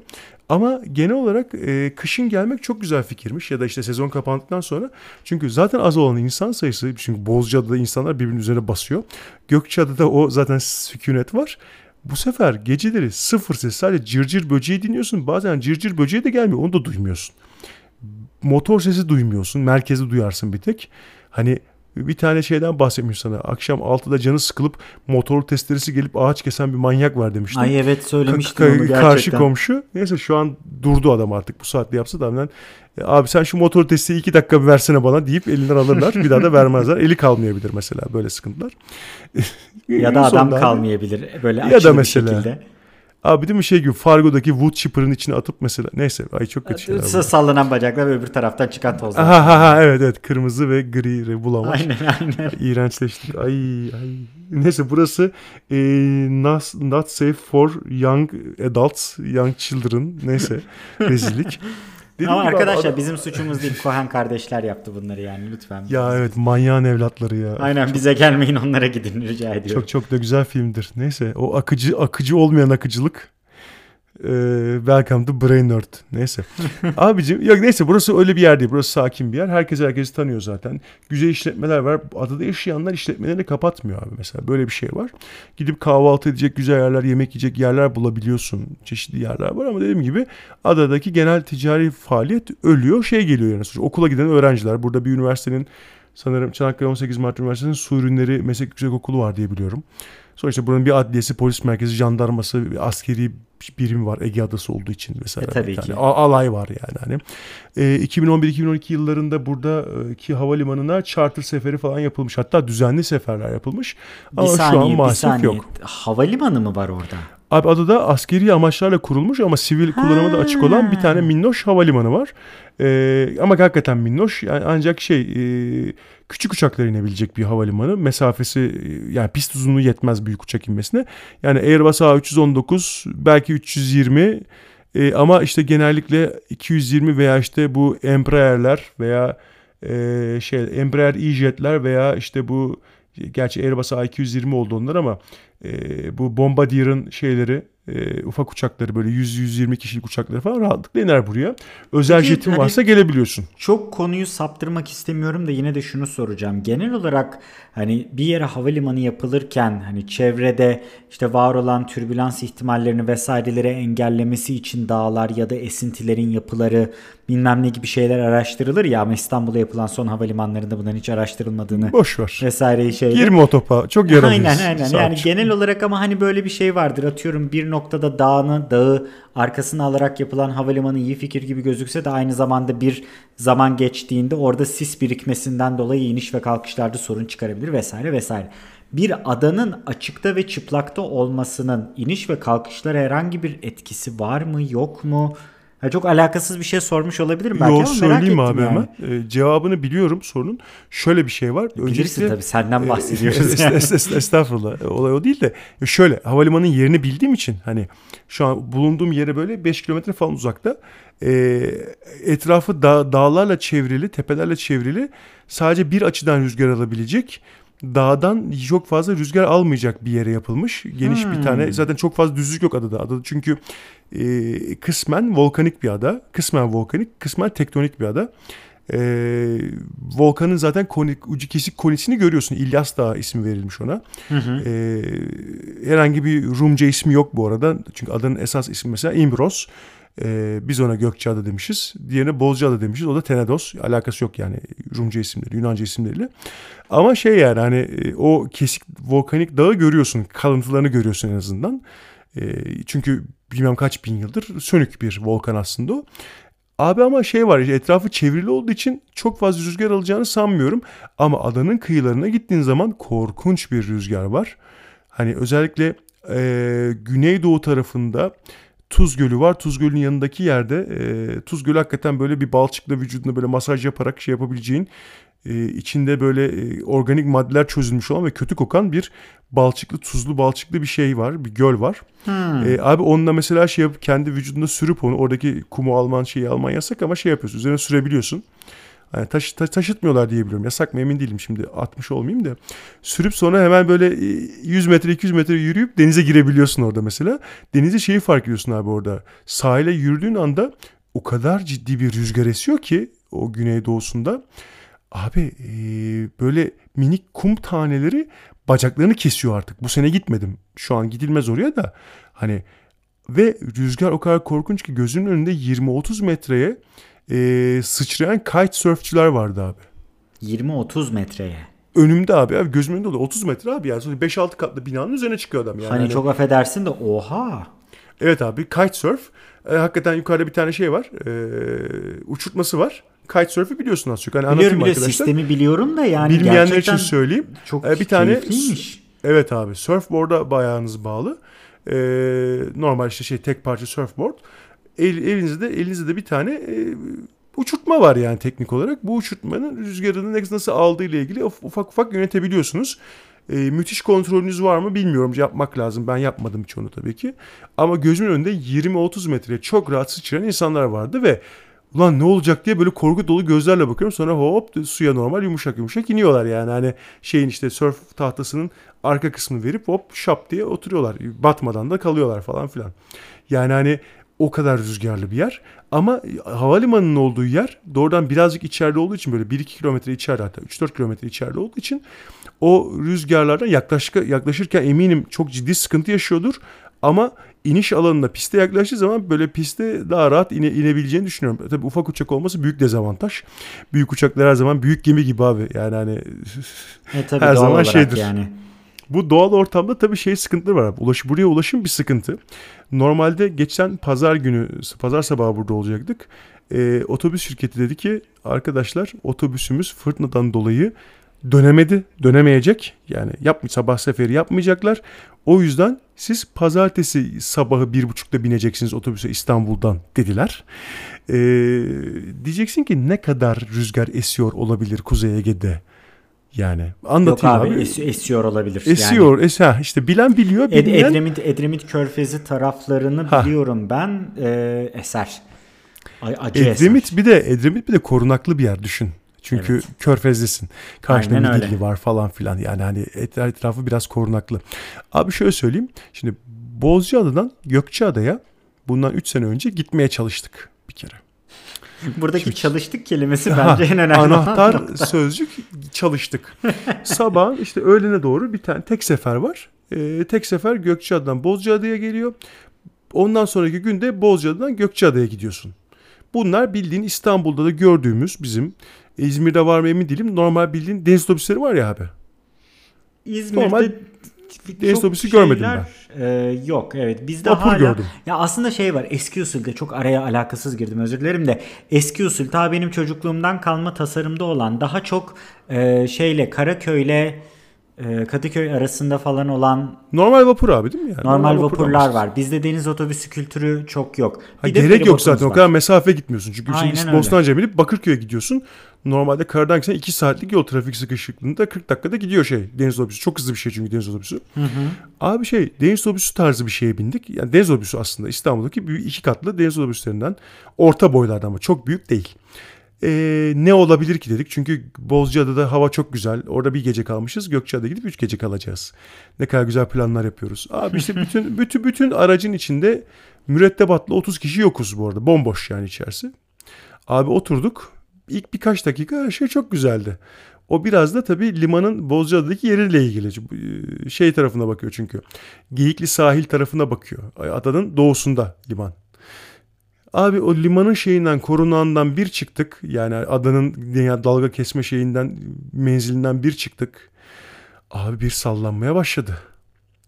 Bir zıplıyoruz, uçuyoruz ya. Yer çekimsizliği yaşıyoruz biz şeyde. Deniz otobüslerinde genellikle olur. Dalganın üzerine vurursun. Yer çekimsizlik yaşarsın. Şimdi sorun burada değil. Şimdi benim midem sağlam. Arkadaşımın midesi e, yani en azından burada kusacak kadar değil. Alışkın çünkü kendisi çok defa Mersin'den Kıbrıs'a gitmiş ya da Antalya şeyinden falan. Yani Akdeniz'i geçmiş. Akdeniz çok fırtınalı bir deniz. Hani sahilinde çok bir şey olmasa bile e, Kıbrıs'a doğru giderken e, anan ağlıyor yani. Hani onun deneyimle beterini görmüş. Doğrudur. yani. Ben hiç gitmedim Kıbrıs tarafına. Hatta Akdeniz'i Ölüm- bile çok gördüm söylenemez. Eyvallah. Ölüm tehlikesi falan yaşamışlar yani. Böyle eğlenceli bir durum. Hadi ya. Abi, yani abi ölüm ya ölmezler büyük ihtimalle de içleri dışlarına çıkarak hani can vermek. Hani tarihi yoldan can vermek. Ölmediler ama Yani ölsek beter. daha iyiydi seviyesi var yani bir yerde hani ötenazi istiyorsun artık herhalde oraya gelmişlerdir. Mideleri bulanmasa ilaç alıyorlar falan öyle durumlarda. Sonra uçak tabii ki uçakla gitmek daha kolay. Neyse abi sonra uçak çıkıyor rahat rahat gidiyorlar falan ama yani çocukken çok yaşadık diyor. Abi e, sorun şu. Şimdi senin senin şimdi burası biraz iğrençleşecek ama senin kusuyor olman veya olmamanın bağımsız olarak etrafta insanların kusma sesini duymak sevimsiz bir şey. kesinlikle konuda herkes kokusunu da hemfikirdir. duymak, kokusunu da Ha. duymak çok kötü zaten. Neyse ki havalandırma sistemi o aletlerde iyi olduğu için o kokuyu çok duymuyorsunuz. Kokuyu duymuyorsunuz. Zaten çok az insan var. Kusmalı tayfa bir tarafa gidiyor zaten yani. Hani normal insanları şey yapıyor. Bu sırada bir tane öğretmen teyze, emekli öğretmen teyze insanlara nasıl işte mide bulantısını şey yapacağını bağıra bağıra anlatmaya çalışıyor. Çünkü şimdi motor gürültüsü var bu aletler çok güçlü motorları olduğu için. Onu bir duyuyorsun. Üzerine dalgalar vuruyor seni bir sallıyor. O dalganın şangur şungur sesini duyuyorsun. Üzerine bir de teyze bağırıyor. Biz artık ben yedek kulaklığı arkadaşa verdim. Ona müzik çalarımı verdim. Ben telefondan müzik açtım. İzole ettik kendimizi dışarıdan. Çünkü o sesi duymak istemiyoruz. Şans eseri yanıma iki tane kadar tık, tıkaç şekilde kulaklık almışım. Yani ilk defa bir şeyi çantama attığıma bu kadar memnunum. Kendimi ve arkadaşımı kurtarmış oldum. Bu arada hala Gökçeada'ya gidemiyoruz bu arada. Çünkü abi rüzgar e, batıdan doğuya esiyor. Bizi sürekli limana atıyor. Yani Türkiye'nin ya ka- karasına doğru atıyor. Ulan ne yapacağız? Gitmeye çalışıyor, şeye kırmaya çalışıyor. Olmuyor abi atıyor yani dalgalar, rüzgar. Alet ufacık bir şey sonuçta yani tamam evet büyük bir şey ama sonuçta cruiser e, gemisi değil yani değil mi? En Evet, nihayetinde. yani. Yani en fazla işte 250 kişi alabilen e, ufacık bir e, katamaran yapıya sahip feribot yani hızlı deniz otobüsü. Abi gidemedik. Adaya doğru kıramıyoruz yani böyle bir şey yok. Abi ondan sonra şeye gittik. Ee, Çanakkale'nin ucunda Seddübahir'in Seddülbahir'in kuzeyinde Kabatepe diye bir yer var. Hatta şöyle haritada göz önüne getirecek insanlar için şöyle söyleyeyim sana. Çanakkale'nin o şey tarafı e, Gelibolu tarafı Gelibolu Yarımadası'nın tarafında incecik bir tane şey böyle ayakkabının boğazı gibi bir yer vardır. Orası bir tarafı e, Eceabat gibidir. Karşısı Eceabat'tan Çanakkale'nin merkezine geçer zaten. Feribotlar ve şeyler vardır. Şimdi oraya lüzumsuz bir köprü yapıyorlar maalesef. Günde bilmem kaç araç geçiş garanti. Neyse onun tam diğer tarafı çizgi çek abi. tam Bozcaada, Gökçeada'nın tam karşısına çıkan Kabatepe'dir. Kabatepe'de de şey vardır abi. Arabalı vapur sadece Bozcaada'ya ama Gökçeada'ya sefer yapan böyle bir buçuk katlı sadece bir buçuk kat araba alan içine çok fazla yolcu alan devasa yolcu feribotları vardır. Arabalı O feribotlar feribotları vardır. biliyorum. Hatta arabanı gerçekten 3 kat şeklinde park ettiğim falan daha önce binmişliğim var onlara. Çok Ha. eğlenceli feribotlar bu arada. Aynen abi. Şimdi bizi oraya bıraktılar. Ekstra bir para falan ödemedik. Arkadaşlar 3 saat sonra buradan dev feribot kalkacak. Adaya ancak bununla gidebilirsiniz dediler. Gestaş'ın açıklaması. Gestaş da buradaki işte el ulaşım, deniz ulaşım işini yapan Çanakkale Belediyesi'nin iştiraki diye biliyorum. Abi 3 saat bekledik çay içtik. Bu arada Kabatepe'de her şey süt liman. Rüzgar esmiyor doğru düzgün. Biz işte kafamızı falan örttük şey yaptık. Çünkü sonuçta hava akşama, akşama doğru geliyor. Birazcık oturalım. Çok güzel. Oturduk çay içtik onu yaptık bunu yaptık. Sonra vapuru almaya başladılar. Özür dilerim feribota dev feribota almaya başladılar. Uzay gemisine. Neredeyse abi hakikaten mothership gibi içeriye tırlar mırlar giriyor yani. Öyle abi öyle gerçekten öyleler. Üst katı doldurdular, üst katın şey, kapağını kapattılar, alt katı doldurdular falan. Biz de yandan pıt pıt pıt çıktık yukarıya. Abi bu en büyüklerinden bir tanesiydi. Bu sefer geldim o kadar büyük değildi. Çok büyük bir yolcu salonu, büyük bir bü- büfesi, büfesinin iki tane dolabı vardı. Biri dikey içecek dolabı, bir tanesi yatay dondurma dolabı falan vardı. Teknik olarak hala Ağustos ayında olduğumuz için tabii dondurma dolabı falan dolu. Abi başladık. Yine limanın korunağından çıktığımız anda sallanmaya başladı. Evet az önceki deniz otobüsü kadar sallanmıyordu. Çok güzel. Müthiş. Abi bu da sallanıyor. Biz gross tonlarcayız ama yani. İçerideki tırlar mırlar zaten tek başına yeter. Yetmiyor. Sallanıyoruz. Bu sırada abi rüzgar yön değiştirdi. Bizi e, adanın e, kuzeyine doğru atmaya başlıyor. Yani biz öyle bir çapraz gidiyoruz ki. Yani bildiğin gemi çapraz e, Bozca ama Gökçeada'nın e, kuzu limanını hedefliyor ama hani aslında şey vektörünü kuzey güney vektöründe bayağı bir çaba harcıyor. Gidemiyor. Bu sırada sallanıyor. Sallamak ne kelime? Ben bir ara yerimden kalktım. Arkadaşım dur dedi. Yok dedim ben bir denize şöyle bir bakacağım. O dışarıda ne oluyor? İnsanlar hani başka gemilerden bir SOS çağrısı mı var? Ne var? Bu ne lan falan diye yerimden kalktım. Allah beni kahretsin. Niye kalkıyorsun? Değil mi yani? Yani, tabii. Otur. Abi iyi ki kalkmışım bu arada. Şimdi çok bomba bir şey oldu. Kapıya doğru gittim. Kapıyı tam çekecekken gemi ters tarafa doğru sallandı. Kapıyı bıraktım. Kapı üzerine kapandı. Diğer tarafa Ee? giderken abi tekrar kapı yönüne doğru bir salınım oldu. Ben ayakta durabiliyorum. Sorun yok. Abi şeyi fark ettim. Dondurma dolu bana doğru geliyor.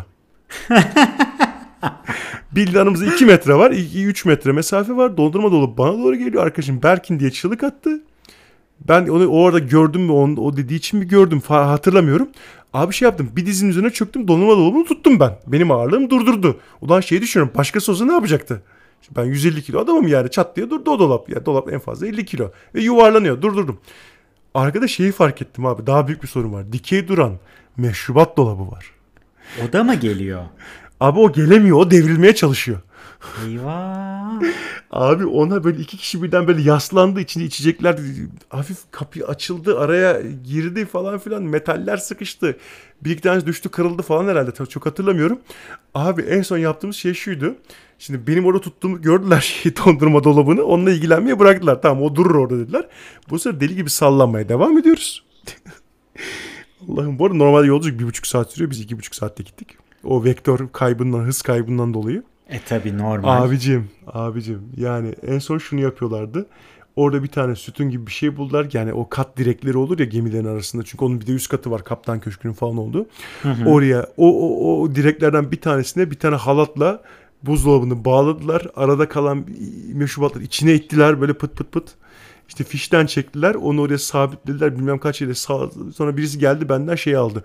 Dondurma dolabını aldı. Yerine koydu. Onu da bir şekilde sabitlemeye çalıştılar ama işte o yatay durunca onu nereye bağlayacaksın?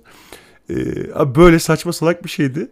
Yani iki buçuk saatte gittik. Çünkü ya bu arası Kabatepe ile Gökçeada arası 60 kilometre. Gemilerin hızı 20 kilometre saat. Hmm. Pardon özür dilerim. Özür dilerim. 20, 20 değil. 3 saat Daha fazla çünkü. olmalı çünkü bir buçuk saat olması Yok, için Yok o 30 30 kilometre mesafe var. Tabii 30 kilometre falan mesafe var. 20 ile gidiyorsun. Bir buçuk saat sürüyor. tamam net. evet. Biz de iki buçuk saatte gittik artık. Yani düşün. On, efektif hızımız 15 kilometre falan. 12-15 kilometre falan olmuş. O kadar bizi çapraz atıyor. Abi Kuzu Limanı'nın o dalga kıranlarına bir girdik. Her şey durdu. Hiçbir şey yok abi. Nasıl lan? Böyle etrafa bakıyoruz. Hiçbir şey yok şans eseri kalacağımız e, aparttaki şey e, elemanların da işte kocası ve e, kızı o feribottaymış. Aynı eğlenceyi onlar da yaşamışlar. Neyse bizi aldılar götürdüler neyse. Büyük şans yani onları orada yakaladık. Çünkü bir de gemi e, araç falan bakacaktık. Taksi bakacaktık bir şey yapacaktık. Abi yani böyle hikayeler ada, adaya gelmek biraz sıkıntı olabiliyor. Geldikten sonra olay çok güzel. Sakin, sessiz, hiçbir şey yok. Ya ve özellikle kış vakti herkes buraya kaçmayı öneriyorum. Covid bahane huzurdan ama can veriyorsun. Öyle bir sıkıntı var. Tabii adada her adada olduğu gibi internet bağlantısı müthiş değil. Onu eklemek lazım çünkü kara hattı buraya gelmiyor. Ee, kablosuz olarak getirip burada kara hattıyla dağıtıyorlar falan filan ama abi bir yere kadar yani. Hani Peki Öyle mobil bir çözüm var. bulabilir misin? Çünkü ben gerçekten şu anda mesela iş yerimde de e, Superbox kullanıyorum. Onun upload'u falan 35-40 megabitlere kadar çıkabiliyor. Abi tabii ee, kota meselesi var orada biraz değil mi? Ta, e, benimkinde yok yani Superbox'ın kotası ha, yok. E, ben aldıktan sonra bir 4 ay içerisinde falan kotalılar çıktı. Ben kotasızından almıştım. İşte o yüzden gerçekten hani, her şeyi upload edebiliyorum ve bunun en büyük artılarından bir tanesi biliyorsun aleti söküyorsun. İstediğin herhangi bir yerde 5 watt 2 amperlik bir güç kaynağı 5 volt 2 amperlik bir güç kaynağıyla anında çalıştırabiliyorsun. Şöyle bir olay var. Babam Seferihisar'da yaşar. Biliyorsun senin olduğun yerde Aha. Sittasulov galiba zaten. Ee, Abi evet Sittasulov Salyangozlu belediye evet. Aynen sen de buraya geldiğinde Salyangoz'da fotoğrafın vardı zaten. Abi evet ya. ee, şeyde işte babam Seferihisar'da yaşıyor. Seferihisar'da gerçekten hani peak dönemleri dışında e, internet çok çok sağlam ya hatta benim şu anda iş yerimde olduğundan daha sağlam bir download ve upload hızı alabiliyorum Seferihisar'da. Çünkü gerçekten insanların mobil internet için altyapı sunulmuş durumda ama orada mesela kullandığı e, yer hattı bana şey diyor aa işte 16 megabit'e çıktı internetim hızlandı diyor mesela yani. Wow, mükemmel. Çünkü evet yani Seferihisar içerisinde böyle bir sıkıntısı var. Hani o nedenle belki mobil çözüm olabilir diyeceğim ama onda da dediğin gibi kota sıkıntısı var. Peki abi bir şey soracağım ben. Yani sonuçta tedarik, keçi eti, işte diğer gelecek diğer etler dışarıdan gelse de ya da tırlarla bir şey. Peki atıyorum kulaklığa, atıyorum kabloya bilmem neye ihtiyacın oldu ve kargo ile gelecek. Bu tür şeylerin geliş sürecine nasıl oluyor yani? Abi çok kargo şirketinden kargo şirketine değişiyor. Amazon Prime üyesi oldum ben. Çünkü zaten hani next day at door muhabbetini Amazon Prime Shipping olayını zaten çok seviyordum. Yani hı hı. kendim kullanmasam da seviyordum. Aldığım ürünleri de birkaç defa hepsi buradan alıp iptal edip yanlış kargo şirketiyle geliyor, kötü kargo şirketiyle geliyor veya geç gelecek diye iptal edip Amazon'dan lan bu bana yarın lazım deyip hakikaten mesela aldığımı hatırladığım için hemen ben Amazon Prime üyesi oldum. Amazon Prime maalesef buraya mesela MLG kargo ile gönderiyormuş.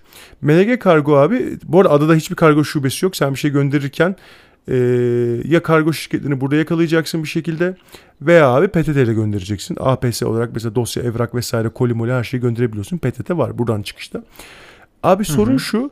E, MLG Kargo dedi ki gelin Çanakkale Merkez Şubemiz en yakın şubemiz oraya gelin alın. Ben de çok minnoş insanlarsınız. Gördüğünüz gördüğüm yerde sizin yanaklarınızı sıkacağım dedim. Bıraktım ürünü. iade olmasını bekliyorum şu an yani. Hani hiçbir şey yapmayacağım. Gidip almam mümkün değil abi Çanakkale merkeze gitmek için.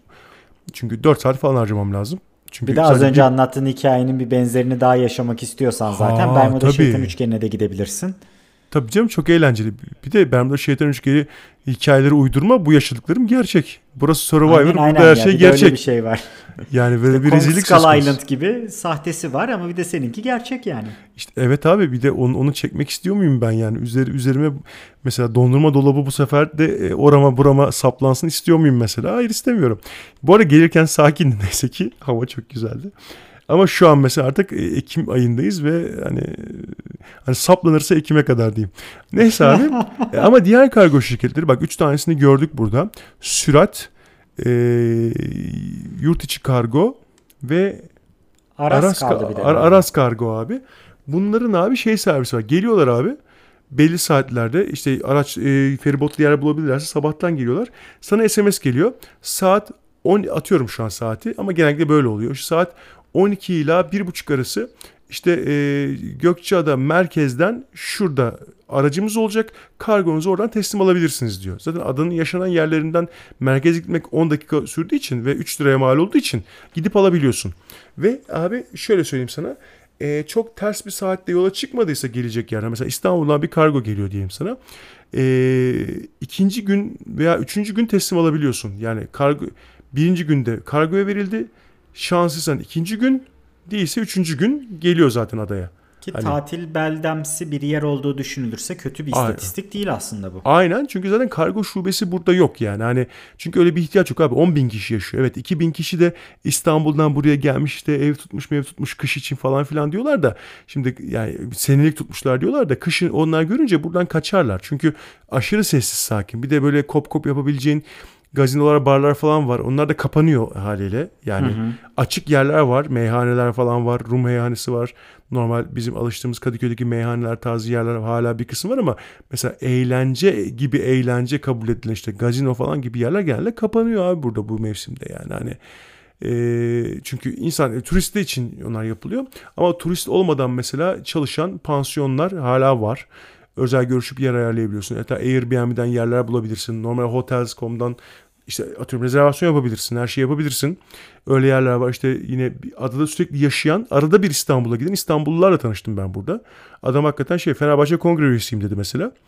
Ee, burada adada dört mevsim diye bir yer işletiyordu. Ailesinin şeyiymiş. Hem arka taraf apart otel gibi veya odalı otel gibi bir, kıs- bir kısmı apart bir kısmı normal otel gibi yapmış. Butik otel gibi yapmış. Ön tarafı da meyhane, restoran. İşte mesela biz orada bir kahvaltı ederken adamla tanıştık. Adam bizi böyle turist turist görünce 3 sene önce geldi yanımıza anlattı işte böyle böyle. Nerede oturuyorsun? Kadıköy. Aa ben de Kadıköylüyüm işte. Ya böyle böyle işte Fenerbahçe'de oturuyorum, şeyde oturuyorum, Kalamış tarafında oturuyorum falan filan diye anlatmıştı. Hani böyle insanlar da var abi, abi ama azınlık yani çok azınlık. O İstanbul'dan gelen 2000 kişi adanın nüfusunu şu an arttırmış değil yani. Onların çoğu geri dönmüştür kışı burada görünce. Ki bu arada havalar hala Ekim başında güzel. Denize girilebiliyor. Ee, bizim gibi buraya gelen insanlar da var. Hakikaten İstanbul'dan kaçıp hani burada iş güç yapan. Çünkü kafelerde görüyorum notebook açıp iş yapan insanlar var benim gibi yani hani. Ki Ve çok da kafelerdeki- mantıklı abi gerçekten Abi- yani. Yani işini notebook'la yapabiliyorsun abi. Yap. Zaten evde de böyle çalışıyordum ben. Ne olacak ki yani hani bir şey değişmiyor. Ofise gitmi ofise gitmediğim zaman e zaten burada internet var. Ha mobil internet olayının şöyle bir ekstra desteğim var abi benim. E, bu evden falan çıkmadığım için olduğum yerde bir kablosuz internet var tabii. Yetiyor birçok şey için. Hız istediğim zaman abi bilgisayarımın şeysi olduğu için kurumsal bir cihaz kullanıyorum ben. E, işte Lenovo'nun e, ThinkPad X395 diye bir model bizim işte Ryzen Pro işlemci var içinde falan filan böyle tam böyle kurumsal bütün özellikleri hatta o kırmızı noktası bile var. Bildiğin klasik ThinkPad. Sadece Ryzen Pro 3700U var üzerinde yani geçen senenin en güçlü mobil işlemcimiz. Tabii yeni çıkanlar tabii çok çok daha müthiş şeyler ama böyle bir cihaz abi. E, üzerinde bunun şey de var. Ben öyle e, rica etmiştim bunu. E, 4 4.5G işte LTE modem de var. Ben ona bir data hattı aldım. 20 GB kotası var ama hani 20 GB kime ne yetsin? Yani çünkü hem upload hem download çalışıyor abi. E tabi yani. data hatları öyle. Aynen abi ama günün sonunda hız istediğin zaman acil işim var. Abi geç 4G'ye ne olacak LTE'ye geç çatır çatır çalışıyor. Mesela şu an seninle yaptığım görüşmeyi e, buradaki ortamım çok şu an kablosuza uzak olduğu için arkadaşım da şu an online bir kurs aldığı için onun işte ses falan gelmesin diye evin diğer tarafına gittim. 4.5G'den bağlayayım abi. Şu an sesimde hiç benim sorun yaşadın mı? Yok hiçbir sıkıntı yok tertemiz geliyor bana. Yani değil mi? Tabii Burada şöyle bir çekiyor. şey var. Bizim seninle konuştuğumuz şey Skype üzerinden ama insanların duyduğu tabii daha yüksek kalite olan bir versiyon olacak. Ama Tabii gerçekten biz ben 500 senin- te- te- terabit e, kayıt Aynen, yaptığımız aynen için yani. biz şu an tabii. başka bir duyduğum haliyle fıstık gibi gerçekten ses. Çok etkilendim. Belki Abi bir de data da yemiyor. Sonuçta normal görüşme yapıyorsun falan filan. Abi işte yani hani bu böyle tali çözümler var. Sonuçta pandemi nedeniyle evden çıkmadığım için ya da burada burada da buradan da çok çıkmıyorum. Ee, Kullanmadığım bir mobil kotam var falan filan. Hani normal cep telefonunda da var. Hani onlar da arayı kapatıyor. Gayet başarılı. Bugün mesela bir kafede kahvaltı diye oturdum. Ee, akşam üstüne kadar orada aynı yerde takıldım. Saat 10'dan işte 16 6 saat boyunca aynı yerdeymişim. Bir şey yedim içtim sürekli kahvaltı ettik falan filan. E, abi oranın interneti mesela merkezde olduğu için hani daha makul bir hızlara sahipti. Ya şey yavaşlığını hissetmiyorsun abi zaten. Hani e, gayet güzel çalışıyor. İş yapabilecek kadar internet her yerde var abi artık. Yani hani evet dosya benim gibi böyle devasa dosyalar üzerinde bazen çalışman gerekiyorsa onlar sorun yaratıyor ama onun için de dediğim gibi tali şey çözümler işe yarıyor. Acelen yoksa zaten onu da bekliyor abi ne olacak? 2 saatte gönder ne olacak yani. Kimseden zaten sabahtan akşama ya da bir, bir saat sonraya veya deadline'e dün abi falan diye bir iş istemiyor. Benim en azından benim yaptığım işte istemiyor. O yüzden Hı-hı. çok sorun olmuyor ama şey var abi her zaman da adalarda internet yavaştır abi kural yani hani yapacak buna bir şey yok. Kıbrıs bile abi yavaş yani hani. Ha bu arada Kıbrıs yavaş diyoruz da yani 25 megabit internet alıyorsun kotası yok abi şimdi yani hangisi daha iyi ben bir düşünüyorum. e tabi abi gerçekten Rezilliğe bak yani. Bir hani. durum var açıkçası yani tamam mobil internetlerimiz jet gibi olabiliyor falan da benim de gerçekten cep telefonumda toplamda 12 artı 2 mi ne 14 GB internet var. Ha evde internet var, işte internet var, işte babama gidiyorum. Orada internet var falan. Yani genelde mobil internete az maruz kalıyorum ve çoğunlukla yolda giderken ya Spotify dinliyorum ya podcast dinliyorum vesaire. Onlarda da hani özellikle listeni ya offline olarak indirebiliyorsun ya da podcast'te zaten sabit bir yere geçtiğinde Overcast içerisinde ayarı var onun basıyorsun son 3 podcast'ı otomatik olarak indiriyor sen dinleyene kadar. Dinledikten sonra kendisi otomatik siliyor. O yüzden sabit internet bulduğunda o tür çözümleri var. Yani bu, bu, bu tür şeylerde gerçekten hani biz tali çözümler bulsak bile aynı zamanda sistemler de bize tali çıkışlar sağlamaya çalışıyor. Kendi ellerinden geldiğince. Öyle abi o konuda dediğim gibi zaten artık sorun yaşamıyorsunuz. Yani Türkiye internetin olmadığı bir ülke değil. Yani altyapımız e, nispeten iyi. Nispeten iyi diyorum. Bizim sadece tarifelerimiz kötü abi. Evet, Çünkü up, upload, upload'umuz sıkıntılı anasını satayım. Yani hani bu ciddi bir dert. E, o da bizim için dert abi. insanlar için dert değil. Sonuçta torrentlayıp akşamdan sabaha indiren insanlar için de o da dert değil. Ya yani onu da anlıyorum. Talep yok abi. Evet bizim gibi e, işte em- emekli bilişim muhabirleri veya aktif çalışan arkadaşlarımız mesela deliriyor. Adam video çekiyor, upload etmeye çalışıyor abi. Şimdi sen bana mesela bu kaydı göndereceksin. Bilmem kaç gigabayt kayıt göndereceksin abi mesela ben bunları burada yani mixlemem 10 saniye bile sürse yani onu indirmesi daha uzun sürecek her türlü yani. Kesinlikle Evdeki alet çok yani. güçlü. E, aletin çok güçlüymüş, çok güzel de e işte bir gelme dosyanın nuzul etmesini bekliyoruz artık. Onun adı nuzul etmek. Gökten inecek de gelecek de bir şey olacak da yani hani, hani derdimiz o yani şu an seviyede. Abi istediğin kadar donanma yatırım yap. Gelmeyince gelmiyor abi işte yani hani gündelik iğrenç dertlerimiz. Tabii şey var tabii abi diğer taraftan yani bir tek kota yiyen şeyler bunlar mı? İşte o A, Wi-Fi bulunca upload et, yedekle falan sistemleri ben çok seviyorum. işte şeyde mesela yola çıkmadan Amazon Prime videodan bir şeyler indirmiştim. Hala duruyor bir kısmı. Bu arada çok enteresan diğerleri yapıyor mu bilmiyorum. Netflix'te yoktu galiba. Netflix yıllardır kullanmıyorum. Tabii yıl oldu kullanmıyorum. Yıllardır yanlış. Ee, e, telefondaki bellek kartına dosya indirebiliyor mesela. Çok güzel o. Hani iç, Bellek iç alanım kartını daha... indiriyor mu bilmiyorum. Offline viewing olan videoları var. Ben tabii bir iOS Yok, kullanıcısı off, off. olarak ne yazık ki işte benim zaten onu zaten söyleyemez. yok. O senin zaten onu test etme imkanı yok. Onu biliyorum. Zaten taş atmak için söyledim falan diyormuşum. Yalan tabii değil ama. e, şey var çünkü abi cihazım 128 GB ama bellek kartı 256 GB zaten. Şimdi yani hani mikrofonu hani... kapatıp köşede ağlamaya başlıyormuş. Değil mi mesela? Mute'a basıp. Benim hiç micro SD kartım olmadı. Hiç ben bir şey ekleyemedim. of çok fena.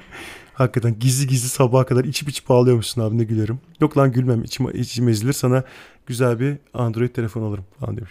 Onun ötesinde aslında tablet için hani bir önceki muhabbete e, istinaden şunu söyleyeceğim. Benim gerçekten düzgün aktarım hızı olan wireless mümkün mertebe e, bir depolama aygıtına geçmem lazım. Çünkü gerçekten tüm o timelapse'ler, tüm o 4K 60 FPS videolar vesaireler çok ciddi yer kaplıyor abi. Ve bulutla çözebileceğim bir şey değil. O da yine bahsettiğimiz bu tali çözümler kısmına giriyor. Ama ben bunun ötesinde sana şunu söyleyeceğim. Gerçekten İstanbul'dan kaçmak ben biliyorsun oradan 2018'de yaka paça böyle hey. hani e, eşyaları arabaya doldurarak kaçanlardanım. Ee, ve kaçmak verdiğim en doğru kararlardan bir tanesi oldu. Şehir anlamında diyorum insan anlamında değil yani e, arkadaşlıklar vesaireler anlamında değil de gerçekten şehir anlamında o şehir olunca insanlar giriyor içine tabii de. Arkadaşlıklar hariç diyeyim. Şehirden kaçmak verdiğim en doğru karardı o yüzden senin buraya gelmiş olman bence çok çok büyük bir e, adım. Gerçi hani bu yıllardır yapmış olduğum bir şey ama bu Covid ile birlikte denk gelip verdiğin en harika kararlardan bir tanesi diyorum. Tebrikler yani. Gerçekten müthiş hedefi 12'den tutturduğun bir hamle olmuş benim gözümde. Abi vallahi oldu. İşte vesile olanlar sağ olsun. Organize eden arkadaşım sağ olsun. İşte böyle aldı beni kaçırdı. Arada e, şimdi geçen kıştan beri İzmir'e de gelmiyorum. İzmir'de hava çok kötü değilse buradan İstanbul'a dönmeden önce sana da uğramak istiyorum bu arada. Onu da bu podcast'te kayda girsin. Mekanını basmaya geleceğim 2-3 gün.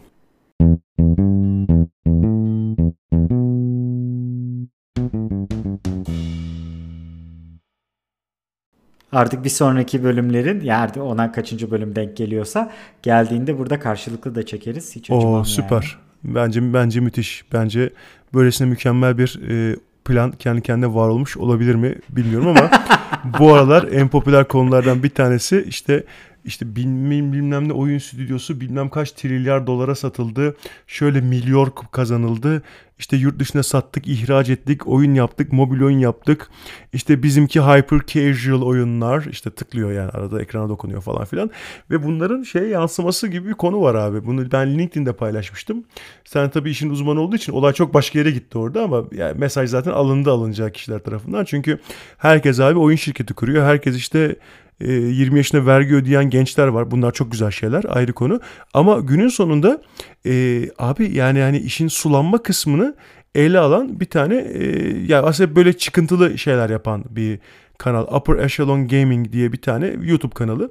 Ya her görüşte tabii %100 katılmıyorum. Verdikleri örnekler de senin de e, zaten orada gönderide üzerine bastığın üzere her zaman birebir tutmuyor mesela yani hani tutup mesela ben oradaki şey örneğine çok takılmıştım. World of Warcraft'ta abi şimdi ben çıktığından beri oynuyorum. Bir tek Legion'ı doğru düzgün oynamadım. Ee, Allah da beni kahretsin neyse. Şimdi Flying Mount kasmaya çalışıyorum Legion'da. Ee, geriye, geriye dönük olarak. Ya bir karakterimi onunla uğraştırıyorum. Abi sorma ya neyse. Ya o, o neden o, olması lazım? Çünkü olmalı falan şimdi. Mesela bu kayıttan sonra açacağım. İşte bir tane Human Paladin'im var. Sadece level kasmak için kastım. Onunla gideceğim. Legion'da işte max level kendisi sonuçta quest yapmaya devam edeceğim işte. Alayım en azından oradaki flying'im de olsun. Ne işe yarayacak hiç fikrim yok. Daha ondan sonra BF, daha ondan sonra BFA'dakileri de alacaksın. BFA'dakini aldım canım o. Ha aldın mı? Tamam. BFA var. Geri onu zamanında aldım. Çıktı gibi aldım. Çünkü o BFA'yı oynuyordum. Ee, abi mesela oradaki verilen kötü örneklerden bir tanesi şey mesela abi o videoda adam anlatmış işte bu kadar hyper casual oyun yapıyorsunuz. Mobil oyuncuları oyuncu diye sayıyorsunuz e, üzerine geliyor işte ondan sonra işte konsollarda cutscene arası iki tuşa basmaya başladık diyor adam. Mesela bu eleştiri haklı. şey diyor mesela World of Warcraft'ta işte bir de e, LFR diye bir raid tier çıktı falan filan diyor. Bu yanlış çünkü Raid Finder şeyleri, e, raidleri zaten sulandırılmış versiyonu. Gerçek bir achievement değil. Doğru düzgün loot da vermiyor yani açıkçası yani hani Aynen falan filan öyle. gibi gerçekler var mesela. Ben o, o örneğe takıldım. Sen orada başka bir örneğe takıldın. Lan o oyun öyle değil ki falan dedim mesela. Ama genel olarak abi mobil oyuncuların ya bak şimdi isim vermeyeceğim abi. Türkiye'deki büyük bir şirketin düzeltiyorum devasa bir perakende şirketinin Tamam. E, bilmem ne sorumlusunu bir e, insan cinsiyetini de söylemiyorum. Hani şey da, daralmasın diye altına yorum yazmıştım. Hatta paylaşmıştım alıp. Arkadaşlar de, demiştim. Bu yöneticilere bu istatistikleri kimler veriyor? Diyor ki işte bak başka bir yere sıçramıyorum aslında aynı konu. Çünkü aynı e, bozulmuş bakış açısı söz konusu. Aha, diyor ki işte oyuncuların yüzde 45'i kadın, dişi female. Neyse işte artık cinsel yönelim üzerinden biyolojik cinsiyet üzerinden mi? Which one is social construct? I don't know. Neyse. Karışıyor gittikçe o noktada. o, o konuya girmiyorum. Ee, işte yani dişi deyip geçelim bence dişi, gerçekten. yani hani şey yüzde yüzde 45'i dişi diyor falan. Ondan sonra mesela burada yeni paragraf yapılsa durum yanlış değil. Evet abi çok fazla bir şekilde oyun oynayan kadın var. Oynadıkları oyunlarla ilgili bu Upper Echelon Gaming de güzel bir şey yapmış. Hatta linç edilen bir tane poligon mu ne linç edilmiş işte. Kadınlar böyle oyunlar oynuyor falan filan diye bir haber yapmışlar. Bu tonda değil tabii. Genellikle kadınların hangi oyunlara e- eğilim gösterdiğini anlatıyor. İşte kadınları niye böyle ayırıyorsunuz, onu yapıyorsunuz, bunu yapıyorsunuz. Tepki çekmiş Polygon bir hatırladığım kadarıyla falan filan. Polygon tabii karıştırdığı herzeler bir değil yani neyse. E, aşırı SJV ve aşırı e, PC vaziyette takılıyorlar kendileri. Takılsınlar tabii. Neyse yapacak bir şey yok abi. O da onların şey. Ben takip etmiyorum ama günün sonunda abi infiale sebep olmuş. E, bu neyse ilgili kişi bu büyük yönetici ilgili kişisi işte şey kendisine verilen kağıttan işte bir paylaşım yapmış. Tabii ki %45 kadın oyuncu var. Çok güzel. Nasıl var? Yani mümkün değil. Teknik olarak mümkün değil. Mobil oyunları katınca oluyor. Olabilir. Hı hı. Çok güzel. Devamında işte e-spora getirmiş olayı. Abi e-spor takımlarında keşke olsa, keşke o cinsiyet bariyeri ortadan kalksa. Yani ben de e, yani çok affedersin kirli sakallı kelli felli adamları orada görmekten haz etmiyorum yani. Kadınlar oynasın ben onları izleyeyim sonuçta. Ben sonuçta hani hani daha gözüme hitap eder. Yani orada sürekli portresini gördüğüm adamı görmeyeyim bir kadın göreyim yani değil mi mesela? Keşke o sınır ortadan kalksa. Keşke, keşke kompetitif olarak e, mücadeleci olarak onlar da var olsa ya cinsiyet hatta ayrım ortadan kalksa herkes aynı ligde yarışsa. Bu şey gibi abi zamanında mesela Formula 1'de bir tane kadın pilot vardı. Çok fazla yarışamadı, şans bulamadı. Takımla ilgili sıkıntılar yüzünden bu arada. Kendisi başarısız diye değil. Sonuçta Formula 1'de e, süper lisans denilen şeyi almak için abi bak en uç örneğini veriyorum. Formula 1 diyorum yani hani motor sporlarında alınması en zor lisans. Bu şey gibi abi savaş pilotu büromesi neyse e, Formula 1 Super License dediğimiz FIA'nın süper lisansı da aynı zorlukta bir şey abi. Benzer sağlık koşullarına tabisin falan filan. Tamam. Sadece 9G santrifüje koymuyorlardır belki. Belki. hani geri kalanları benzer şeyler. Bir de birinde ayaklar yere basıyor, diğerinde yukarı uçuyorsun falan. abi yani e, alakasız bir yerden bağlamış işte falan filan. Bu Upper Echelon Gaming'in de sen aşağıda linki koyacaksın büyük ihtimalle. Tabii tabii. O şey videoyu bir izlesinler. Videonun, videonun her tarafı %100 doğru değil dediğim gibi. Şimdi Sarp'ın da itiraz edeceği yerler olacak. Ama günün sonunda hani oyunlar artık o kadar hani e, konsolda cutscene arası 3 tuşa basmak, işte mobilde Idle Heroes falan diye hakikaten sadece ekrana kliklediğin oyunlar var galiba. Yani ulan neden var? Bu niye oyun? Tam olarak hangi zorluğu aşıyorsun? İşte ondan sonra microtransaction'lar işte Angry Birds oynarken abi işte geçemediğin yere işte e, daha büyük kakasını yapan etrafı temizleyen kuş çağırıyorsun para karşılığı falan yani hani yani kuş normalde kakasını yapmıyor mu? Kabız mı oldu? Seni mi bekliyor işte? Müsek, müsil mi içip geliyor? Ne yapıyor yani? Neyse ya aklıma bunlar geliyor. Ama şey tarafında da yani ciddi oyunculara yönelik diye satılan işte nasıl diyeyim abi hikayesi için oynuyorum oyunların da iyice sulanması gibi bir şey söz konusu galiba diye ben girişi yapıyorum işi uzmana devrediyorum abi çünkü ben çok az franchise biliyorum gerçekten utanılacak seviyede az franchise biliyorum. Mesela Warcraft franchise'ının bile strateji oyunlarını çok fazla hikaye olarak birazcık bilirim. Oturup oynamıştım yoktur çünkü o sıralar çıktığı zaman bilgisayarım yoktu yani. Hani ben hep şey vurguluyorum 18 yaşına kadar bilgisayarım yoktu arkadaşlar. Ben işte 2000 kaç yıl oldu? 2001 yılında bilgisayar sahibi olmuş bir insanım hatta da sonunda. Onun öncesindeki oyunları oturup oynamak gibi şansım çok yoktu. İnternet kafede CS oynardık, Half-Life oynardık. Falan filan yani. Bu kadar benim şeyim hani oradan gelmeyeyim.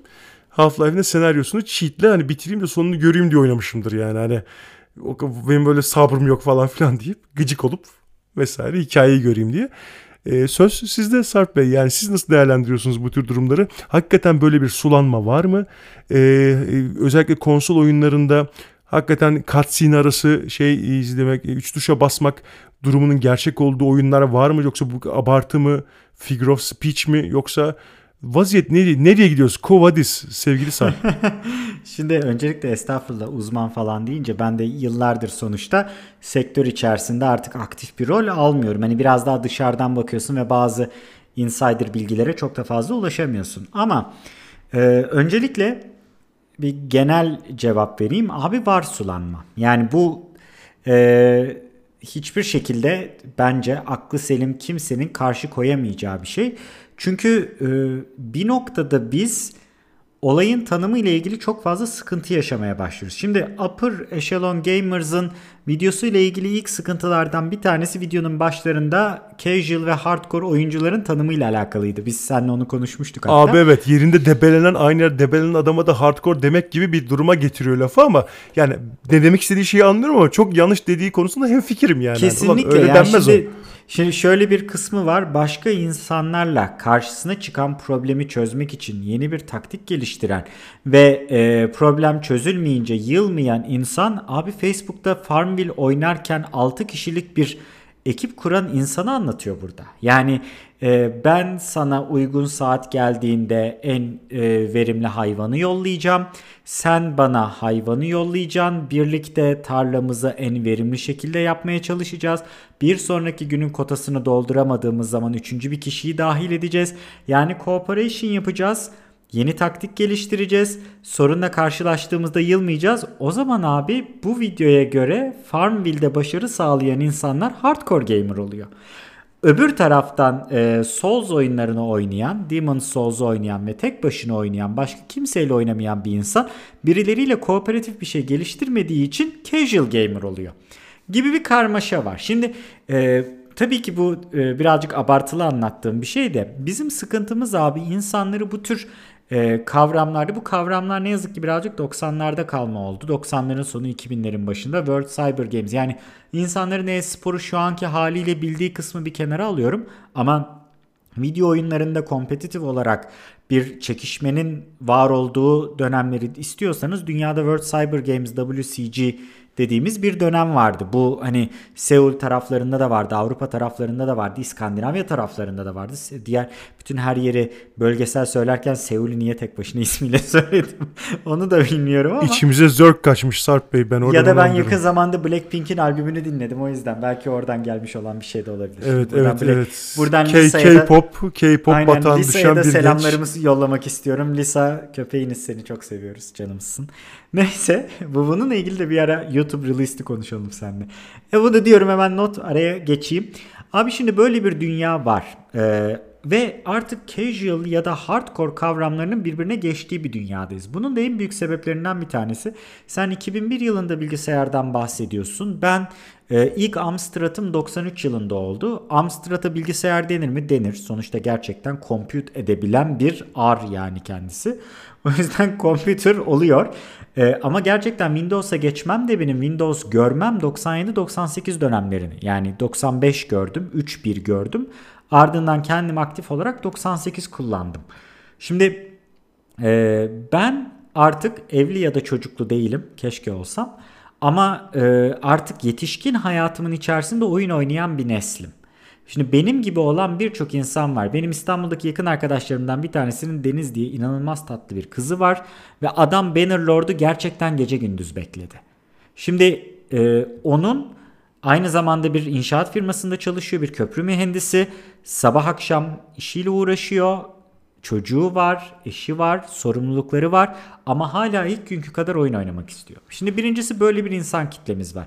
Bunu artık casual'a da hardcore'a da sokuşturamıyorsun. Çünkü artık böyle bir kategorimiz yok. Hyper casual'ı bir kenara bırakıyorum bak. Bence inanılmaz anlamsız bir kavram hyper casual. Ya yani anlamsız derken zaten casual bu kavramın yerini tutuyordu neden hiçbir tuşa basmadığım halde geri dönen oyunları onları da casual'ın içerisine alıver. Yani yeni kavramlar üretiyor olmak, istatistikleri şişirmek ve e, hani aklı selim bir sonuç oluşturmamak dışında hiçbir şey yaramıyor ne yazık ki. Neyse.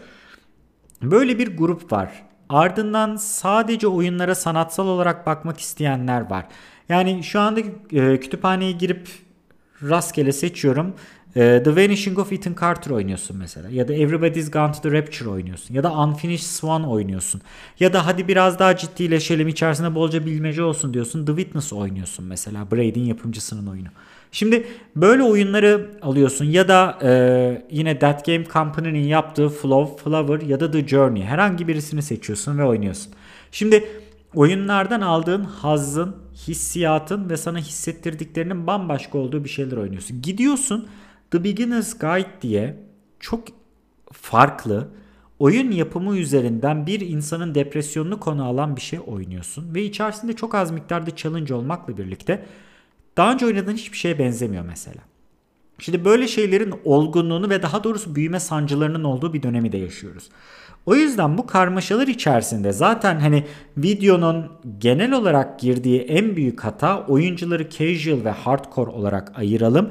Oyuncu istatistiklerini temizleyelim gibi bir şey oluyor. Başka bir yere geçelim. Oyunlar dünyasından çıkalım. Reel bir örnek verelim. Abi e, futbolcular sporcu değil mi? Basketbolcular sporcu, voleybolcular sporcu. Şimdi voleybol konusunda çok çok iyi olan bir insana sen iyi bir sporcu diyebilirsin. O yüzden şimdi oyun dünyasına getiriyorum bu örneği. Genel olarak MMO'larda görevini çok iyi yapan, çok iyi bir healer olan, çok iyi bir tank olan bir kişi iyi bir oyuncu diyebiliyor olmalısın. Bununla ilgili bir sıkıntım yok. İki tane örnek vereceğim. İkisi de ilginç bir şekilde kış oyunlarından, kış olimpiyatlarından olacak. İkisinin de ismini bilmiyorum. Anlatacağım. Sen muhtemelen isimlerini biliyorsundur. Birincisi abi çok bir dik yamaçtan aşağıya doğru kayıp en sonunda var olan e, açılı yerden zıplayarak sadece iki tane uzun kızakları var ayaklarında. Yani e, kayakları bayağı uzun olan. Sadece dümdüz havadaki sürtünmeyi ayarlayarak atlama yapıyorlar ve bir bitiş çizgisine iniyorlar. Bunun adını bilmiyorum ama kış olimpiyatları izleyen herkes az çok biliyordur bunu. Abi Bir şey iki- uz- uzun atlamanın şeyi versiyonu, kayaklı versiyonu normal galiba dümdüz ismi kayaklı atlama olabilir abi. Ski Kayaklı jumping atlama olabilir. Tamam ski jumping olabilir ama neyden bahsettiğimizi biliyoruz.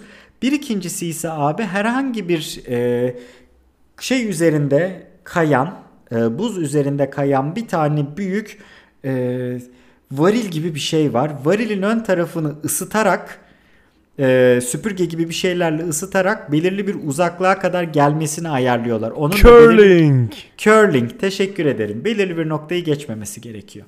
Aynı şekilde abi curling yapan insanlar da sporcu. Yani sen curlingle ilgili bir olimpiyata giderken sen e, uluslararası bir şekilde ya da daha doğrusu kendi ülken açısından düşünürsen milli bir atlet olarak gidiyorsun.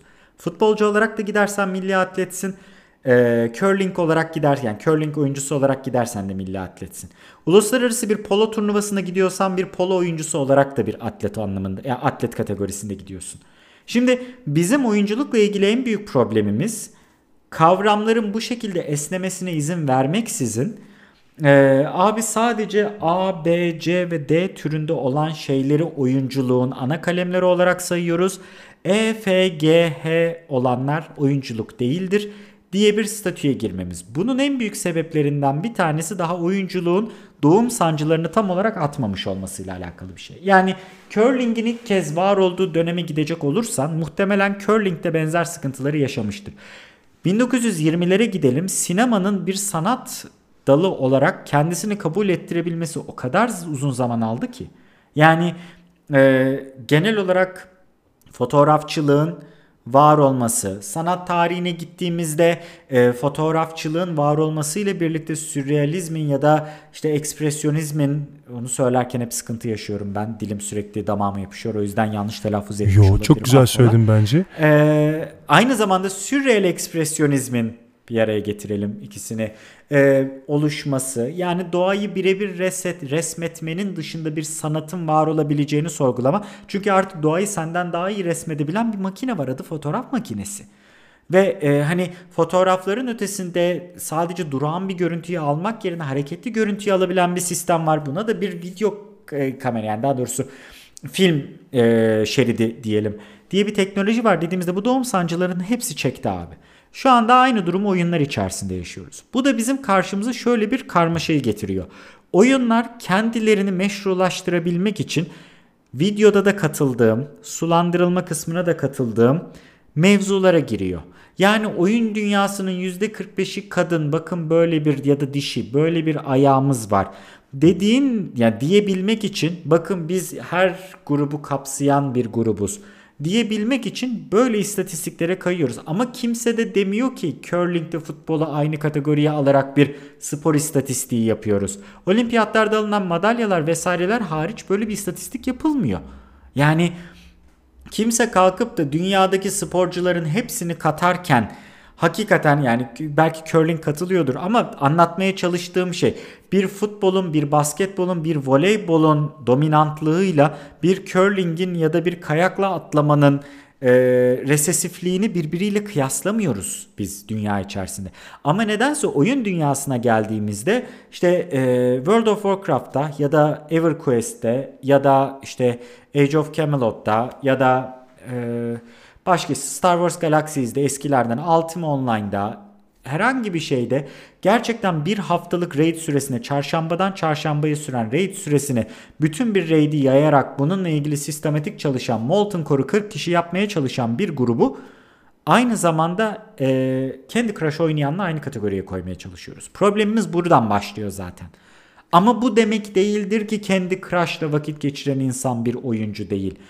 Burada önemli olan şey bu iki grubu birbirleriyle aynı kefeye koyup bir şekilde eşleştirmeye ya da eşitlemeye ya da denkleştirmeye ya da aynı çok kaba tabir olacak ama aynı bokun soyu olarak sunmaya geliyor. Problemimiz burada. Doğal olarak gruplardan bir tanesi diğerinin ihtiyaçlarıyla şey yapmıyor. Birisi çünkü metroda giderken elinde telefonla oynayan bir kişi. Öbürü gerçekten bunun için donanım satın alıyor. Gerçekten bunun için zaman harcıyor. Gerçekten bunun için gerekirse yeni mount alıyor. Gerçekten bunun için birilerine in-game ya da dışarıdaki üçüncü parti sistemlerden para verip kendisine mythic key aldırtıyor. Sonuçta World of Warcraft içerisinde de böyle bir dünya var. Yani bu satın alma şeysi hala geçerli abi. Ha, yakalarlarsa Kesinlikle. öpüyorlar ayrı konu ama günün sonunda yapılabiliyor mu? Abi Gold e, Trade'i yasal kısmı da yaptı. Mesela Blizzard lan bu işte para var yasal almak isteyene de biz önünü açalım. WoW token, WoW token ayağına falan dedi ama hala satılıyor abi. Yani ben ara sıra girip kontrol ediyorum ne olmuş ne olmuş diye. Çok rahat erişebiliyorsun. Şimdi Yani- kesinlikle böyle bir şey var. Bir diğer örnekte şuna geri döneceğim. Arkadaşıma, Bannerlord'u bekleyen arkadaşıma. Şimdi oyunların sulandırılması yani içerisinde güzel hikayesi olan oyunların sulandırılması kısmına. Assassin's Creed e, son çıkan iki oyunu Odyssey ve Origins bu konuda çok referans alır. Hatta videonun içerisinde de yanlış hatırlamıyorsam Odyssey'den görüntü var. Şimdi abi e, time saver dediğimiz bazı şeyler var. Helix puanlarıyla alıyorsun. Helix puanlarını gerçek parayla satın alabiliyorsun. Sana istersen resource veriyor, kaynak veriyor. Sana istersen e, ekipman ama şey ekipman görünüş anlamında ekipman veriyor ya da e, işte atıyorum oyun içi para veriyor. Herhangi birine ihtiyacın varsa. Şimdi Assassin's Creed orijinal aldığın zaman herhangi bir e, şey oyun 800 Helix puanı ile geliyor atıyorum. 800 Helix puanı ile bir kere bu Time Saver'dan zaten satın alabiliyorsun. Yani oyun sana aslında aldığın paket içerisinde bunu verebiliyor. Şimdi ben evli ve çocuklu değilim ama çalışma hayatı olan, kişisel sorumlulukları olan, ev geçindirmeye çalışan bir insanım. Ve ben oyundan al- alabileceğim zevkin böyle bir alternatifle sunulmasını oyunla büyümüş bir insan olarak anlamlı bulabiliyorum. Ben şu anda ortaokulda okuyor olsaydım Tabii ki Türkiye'de sınavlar çok büyük dert. Ben Kotor'u bitirdiğim zamanları hatırlıyorum. Bir yandan da üniversite sınavına hazırlanmaya çalışıyordum ve ailemden gizli geceleri uykumdan feragat ederek oyun oynayabiliyordum. Çünkü evet üniversitede çok rahat olmakla birlikte sınavlarımın vesairelerimin olduğu, projelerimin olduğu dönemler hariç genelde daha rahat oyun oynayabiliyordum. O yüzden üniversitede okuyan birisinin abi bu adam benim iki hafta boyunca grindladığım malzemeleri gidip cebinden parayla alabiliyor demek üniversiteli öğrencinin kendisini tatmini için geçerli olabilir. Ama artık oyuncuların evli ve çocuklu olduğu bir dönemdeyiz biz. Ve ben gerçekten bazı şeylerin tadını alabilmek için mesela Assassin's Creed'de örnek ondan gittiği için devam ediyorum. Assassin's Creed'de gerçekten günümüz senaryosunun nereye bağlandığını, Leyla'nın ne yapacağını, Leyla'nın İssularla olan muhabbetini oyun içerisinde görebilmek için böyle bir çıkar yolla en azından kendime 3 gün kazandırmayı tercih edebilirim. Bunu da e, açıkçası hani ne bileyim e, biraz şeyi düşünüyorum. Benim hep hayatta verdiğim bir örnek vardır. Hayatımda bir kere gerçekten çöpten yemek çıkarıp yemek zorunda kaldım. Çöp kendi çöpümdü. O yüzden pisliğimi de biliyordum. Ama en azından gerçekten yiyecek almaya imkanım olmadığından dolayı yarısı bozulmuş yiyeceğimi çıkardım çöpten mi yedim. O zaman dedim ki bazı şeyler tuzsuz da olabiliyormuş abi. Şimdi e, hayatında gerçekten faturasını ödeyemediğin için doğalgazın kesildiğinde bilmem ne olduğunda deyip de insanlara abi oyunda birisi senin yaptığın şeyi parayla aldığında aslında hani mızmızlanmaya hakkın yok demek istemiyorum. Ama korkarım konu birazcık oraya doğru kayıyor. Yani e, oyunu aldım oynuyorum. Bak mesela ben Souls oyunlarını oynayamıyorum. Gerçekten sabrım yok. Ama bununla ilgili şöyle bir isyanım da yok. O zaman abi Souls oyunlarını lütfen kolaylaştırın ben de oynayabileyim diye bir isyanım yok. Çünkü Souls oyunları hikayesiyle ön plana çıkmıyor. Ama hikayesiyle ön plana çıkan bir oyunda bu opsiyonun sunulabiliyor olması hani bir şeyin kaba tabirle dur İngilizcesi inclusive de hani şeyde herkese kucak açan diyeyim. herkese kucak açan bir oyun olmasıyla ilgili bir şey. Ve hani bunun nesi yanlış ben tam olarak çözebilmiş değilim. Çünkü ben herhangi bir şekilde sokakta bir insanla karşılaştığımda birlikte Assassin's Creed'in senaryosunu konuşabilir oluyorum. Ve diyorum ki abi İsuların şöyle şöyle bir felsefik yaklaşımı var. Bak zamanında Kant'ın yazmış olduğu belgelerde böyle böyle bir şey vardı. Ve Kant'ın yazdıklarını bir oyunda görebilmek ne kadar güzel değil mi diyorum. Karşı taraf evet diyor. Birbirimizden hoşlanıyoruz ve bundan iki sene sonra evleniyoruz. Yani bu hikayede kötü olan nedir ben bunu anlamıyorum. Ama Press X to pay respects diye bir problem vardır. Bir internet mimi oldu bu. Bir Call of Duty oyununda gelen bir şey. Bir noktadan sonra eylemlerin değersizleştirilmesiyle ilgili bir mimdi bu. Ve haklı bir mimdi. Sulandırılma ile ilgili en büyük problemlerden bir tanesi bu. Ee, artık sen sadece ekranda nadiren gelen yerlerde X'e basıp bir mutluluk elde ediyorsun. Bir başarı elde ediyorsun hissi var. Bunlar anlamsız. Buradaki problemimiz abi oyun dünyasından çok uzatmak da istemiyorum. Çünkü çok elime aldım mikrofonu ve alıp gidiyorum ama ee, buradaki problemimiz abi sadece oyun dünyasıyla alakalı olan bir şey değil. Oyun dünyası var olan e, orta ve üstü sınıf batı alışkanlığının sadece bir yansımasını üstleniyor. O yansımada futbol maçına katılan herkese birer e, kupa verelim. İşte e, yarışmaya katılan herkese birincilik kupası verelim. Çocuklarımızı Arduino kursuna gönderelim. Arduino kursunda iki gün vakit geçirsinler. Herkese Arduino biliyor sertifikası verelim alışkanlığının bir şekilde oyun dünyasına sızmış hali. Yani bu sorun oyun dünyasından çok daha kökte. Şimdi ben 3D kafasında bana gelip de siz çocuklara modelleme öğretiyor, öğretiyor musunuz? Benim 11 yaşında oğlum var diye insanlar geliyor. Ve e, şöyle bir sıkıntı yaşıyoruz abi biz burada. Ben Arduino ile kendi yazıcımın şeyini kodladım ya. Yani daha doğrusu Marlin kullandım. Çoğunlukla hazır bir kod kullandım. Ama yine de işte bütün gerekli olan compile edilecek ayarlarını, bütün doğru donanımların seçimini vesairesini yaptım. Övünüyor muyum bununla? Hayır, övünülecek bir şey değil. %99'a hazır gelen bir şey zaten. Ama ben o kod sayfasını buraya gelip de ben Arduino kodlamayı biliyorum. Bana bununla ilgili biliyorsun diye sertifika verdiler bilmem ne robotikten diye gelen çocuğa sayfayı gösterdiğim zaman çocuğun beti benzi atıyor. Ve e, o çocuğun ailesi konuyu araştırmadığı için şunu söylüyor. E biz çocuğumuzu götürdük bizim çocuğumuza sen artık biliyorsun diye sertifika verdiler diyor. O çocuğun üniversiteye geldiği dönemi biliyorum. Üniversitede konunun gerçek haliyle karşılaştığında örneğin yazılım mühendisliğinde abi çocuk ikinci sınıfta okulu bırakıyor tekrar üniversiteye hazırlanıyor. Çünkü diyor ki ben bunu öğrendim diye biliyordum. Ben çok soğudum. Çünkü e, hani bana öğrendin dediler. Kandırıldık, kandırıldık. Aynen aynen. Dünya yani, böyle değil. Kesinlikle şimdi böyle bir gerçek var ve çocuğun oradaki travmasıyla uğraşmak zorunda kalıyorsun. Ama bu hani her katılan kişiye bir kupa, her işte bir haftalık eğitim alana bir sertifika. Bana işte geçen sene eğitim vermiştim bir tane okula. Bana dediler ki sertifika veriyor musunuz? Ya diyorum burada iki gün boyunca sizinle 3D printer parçalarını anlatacağız. Şey yapacağız işte kod sayfasını göreceğiz. G-kod inceleyeceğiz. Örnek bir tane malzeme yapıp modelleyeceğiz koyacağız. Ama işte çocuklarımız sertifika çok istiyor. CV'lerine koyacaklar. Abi döverim. Yani, döverim. Ama... Dinlene dinlene döverim. Evire çevire döverim. Abi bu sertifika manyaklığı nedir ya? Abi bak şimdi ya, biliyorsun abi süreci yani az çok. Abi iş başvuruları işte benim üzerimden gelirdi biliyorsun beraber çalıştığımız zaman da hani hı. hı. ben uğraşıyordum o işlerle. Abi özgeçmişte sertifikalar dizilmiş dizilmiş dizilmiş. Abi tamam bilmem ne katılım sertifikası. Abi tamam katılmışsın çok güzel.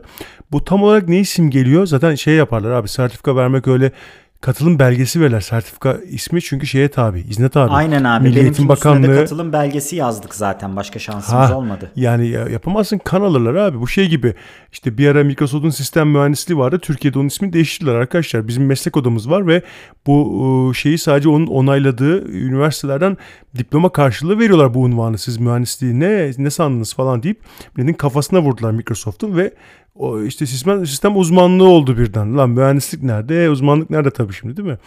Kolay mı lan o kadar bedavaya mühendis olmak dedi adamlar ve haklılar ayrı konuyu. Çünkü kazanılmış bir hak ve imza etkin var orada falan filan. Hani abi ama günün sonunda yani herkese bir şey verelim dediğin gibi abi. Mesela şey gibi kapaklarda boş yok. 5 SMS verdik. Aferin abi 5 SMS verme kapaklarda boş yok demek için insanlara serotonin mi salgılatıyorsun sen onun karşılığında yahu? Bu nasıl bir manyaklık? Işte. Özgeçmişini dolduruyor, dolduruyor, dolduruyor, dolduruyor. Alt alta ekliyorsun sıfır çıkıyor. İşte bu, bu problem bu yüzden sadece oyun dünyasıyla alakalı bir şey değil. Yani ben sonuçta LFR'den Şimdi bak benim kendi açımdan söylüyorum. Ben hala çok aptalca bir şekilde World of Warcraft'ı senaryosu için takip eden bir insanım. Çünkü biliyorsun bende Chronicles kitapları da var. Keyifle açıp okuyorum ben onları. Çünkü hani benim için world building, dünyayı işte inşa etmek çok keyifli olan bir şey. Ee, ben hala bunun için takip ediyorum. O yüzden Ashara Raid'ine girebilmek, Ashara Raid'ini cutscene'ini gerçekten kendi bağlamında izleyebilmek. Çünkü ben oyun sızıntıları vesaireleriyle ya da girip WoWhead'den bütün videoları izleyimcilikle keyif alan bir insan değilim. Başı ve sonu önemli. Bağlamsal bir anlatı çok önemlidir çünkü.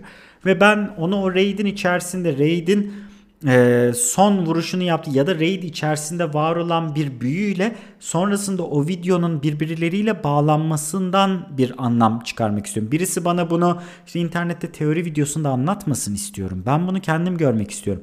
Ve LFR benim zaman çizelgemde bunun için çok güzel bir çözüm. Ama şurada bir problem. Ha, aslında problem değil. World of Warcraft bunu dengeli koyuyor. Abi Sen evet, item, item level'lar aynı değil abi. En, en büyük önemli şey loot abi orada değil mi? Hikayeyi Aynen görüyorsun öyle. ama zaten aynı loot almıyorsun ki. Yarım veya bir tier üstte adamın aldığı şey loot zaten. Girdiği tabii, şey tabii. moduna göre. Yani önemli olan burada zaten bak World of Warcraft bu sorunu düzgün çözüyor. LFR'nin var olması bir problem değil ama gerçekten bakıyorsun World of Warcraft'ta 2004 yılında başlamış olan insanlar abi 16 yıl geçti. 2004 yılında üniversite okuyan adam şu anda gerçekten evli ve çocuklu olabilir ve hala World of Warcraft oynuyor olabilir. Ve bu adam artık çocuğunu e, okuldan alıp belediyenin bale kursuna götürüp ya da işte belediyenin resim kursuna götürüp hani çok varlıklı olmadığını varsayalım. Belediyenin kursuna götürüp oradan alıp evine getirdiğinde bu adamın geceliğin harcayabileceği zaman çok kısıtlı. Çünkü haklı olarak çocuğuyla uğraşmak isteyecek. Ben de olsam çocuğum ben de çocuğumla uğraşmak isterim. Ama bir yandan da World of Warcraft'tan kopmak da istemem. E peki bunun orta noktasını nasıl buluyoruz? LFR ile buluyoruz.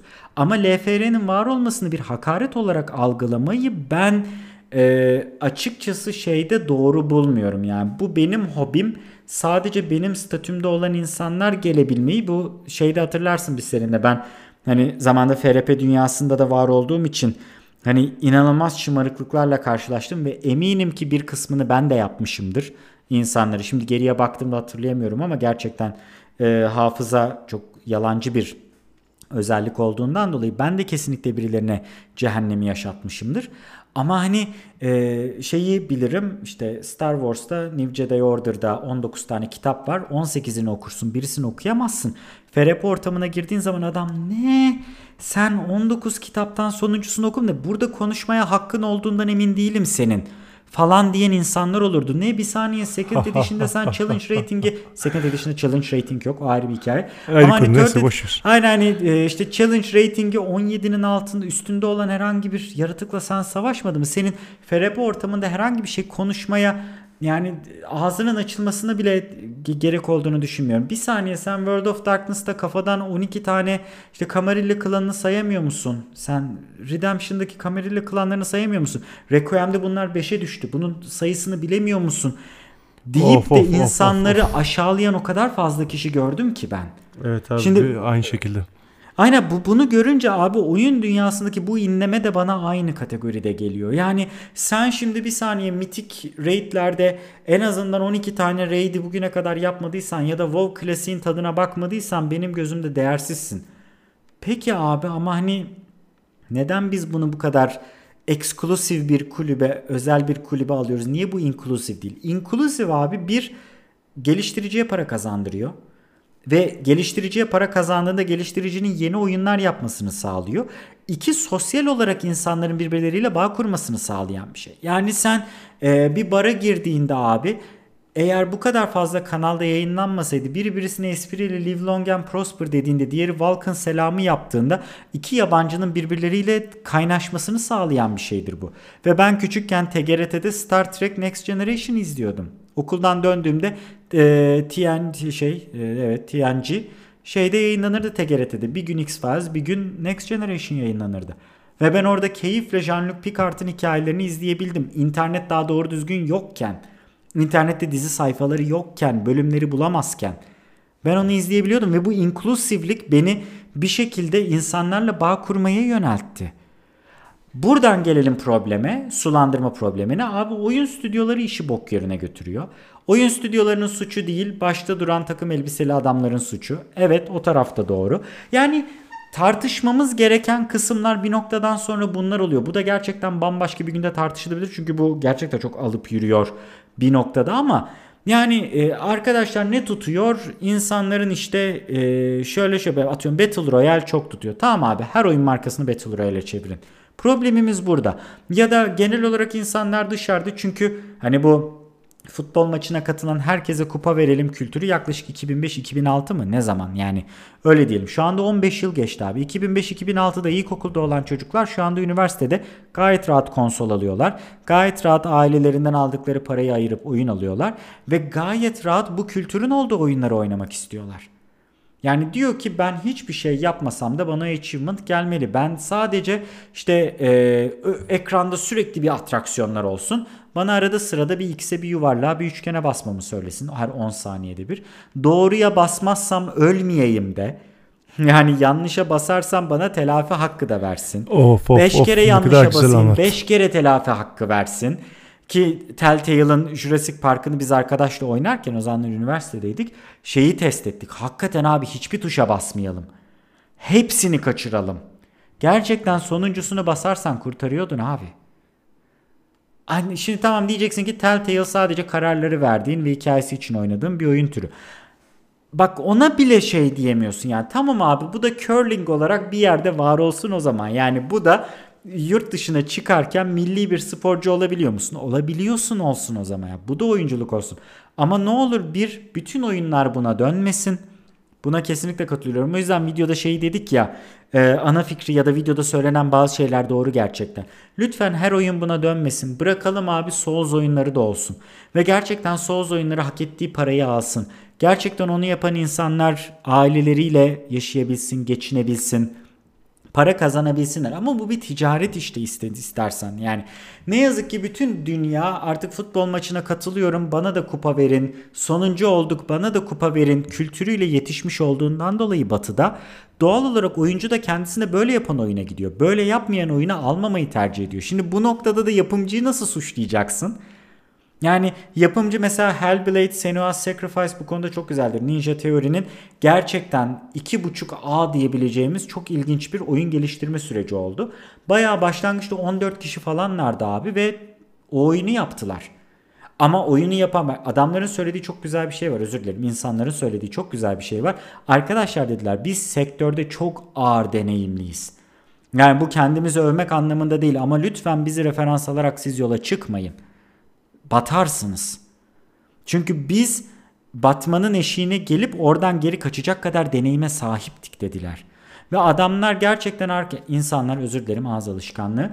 E, bu insanlar 3 yıl arka arkaya GDC'de falan konuşma yaptılar, panel yaptılar ve her bir konuşmaları altın niteliğinde oldu. Çünkü gerçekten sektöre getirdikleri şeylerle bu kadar düşük bütçeyle, bu kadar az şeyle, bu kadar yüksek kalite sayılabilecek bir oyun yaptılar yani yaptık diyebiliyorlar. Böyle bir anlatıyı yapabildik. Böyle bir görselliğe sahip anlatı yapabildik. Oyun level'ları çok dar ama bunu oyuncuya fark ettirmeden yedirebildik. İşte e, savaş mekanikleri çok kısır ama bunu doğru kamera açıları ve gerçekten zihinsel problemler yaşayan bir baş karakter üzerinden çok güzel yedirebildik. Yani oradaki bu sığlığı bir şekilde anlatının parçası haline getirebildik dediler. Ama abi bu çok istisnai bir şey. Bunu herkes yapamaz. O yüzden X oyunu geldiğinde arkadaşlar böyle böyle oyunu yaptık ama işte level 306'yı geçmek için para vermek biraz daha makul dediğinde şimdi ben geliştiriciye de çok kızamıyorum. Çünkü abi bir yandan da adamın atıyorum bundan sonra çıkacak Demon Souls 2. Normalde Dark Souls'un ilk oyunu o da. Hani Demon Souls 2 çıkacak diyelim. Demon Souls 2 yaparken From Software gerçekten mali sıkıntılar çekiyorsa ki bak abi bir başka örnek Double Fine, Obsidian, Ondan sonra e, Bethesda. Bet, koskoca Bethesda. Arka arkaya 2 senedir E3 konferansı yapan Bethesda. Hepsi Microsoft'un bünyesi altına girdi abi. tek tabanca hayatta kalabiliyor ve özerkliklerini koruyabiliyor olsalardı bak özerk bir firma, firma olarak söylüyorum ben bunu emin ol korurlardı. Yani Double Fine Tim Schafer'ın firması Psychonauts 2 yapıyorlar şu anda. Zamanında çok köklü birçok adventure yapmış olan firma. Yani Tim Schafer ve ekibi. Abi bu adamlar, bu insanlar hayatta kalabiliyor olsalardı bağımsız bir şekilde emin ol kalırlardı. Obsidian tek tabanca hayatta kalabiliyor olsaydı emin ol kalırdı. Yani e, bugün X e, geliştiricisinin Sony'ye ya da Microsoft'a bağlı olarak çalışması gerçekten bireysel özgürlüklerini bir noktada kaybetmesi demek. Ve bunu yapmak zorunda kalıyorlar. İşte böyle de bir gerçek var. Yani sektörün arka tarafını bilmeden bu tür şeyleri bu kadar sert eleştirmek biraz kolay oluyor ama yani arka tarafta da e, abi insanlar sadece aynı kıyafetin morcivert olanına 25 euro veriyor biliyorken WoW'un aynı bineğin sadece astral görünümlüsüne 25 euro istemesi Evet ben de o bineği oyun içinde almak isterim ve ben ona asla o parayı vermeyeceğim ama bir yandan da diyorum ki abi yani bunu vermeye gönüllü olan insan varsa go for it yani. Neden tutuyorsun ki kendi? o noktada Blizzard'a kızamıyorum. O noktada gerçekten toplumsal düzene kızıyorum. Çünkü toplumsal düzen bu konuda insanları bu taleplere doğru yönlendirdi. Bir de abi gerçekten bunları hani cash cow dediğimiz hani cebi bol e, sağılacak arkadaş diyelim onlara ya da whale'lar diğer şeyle balinalar diğer bir anlamında.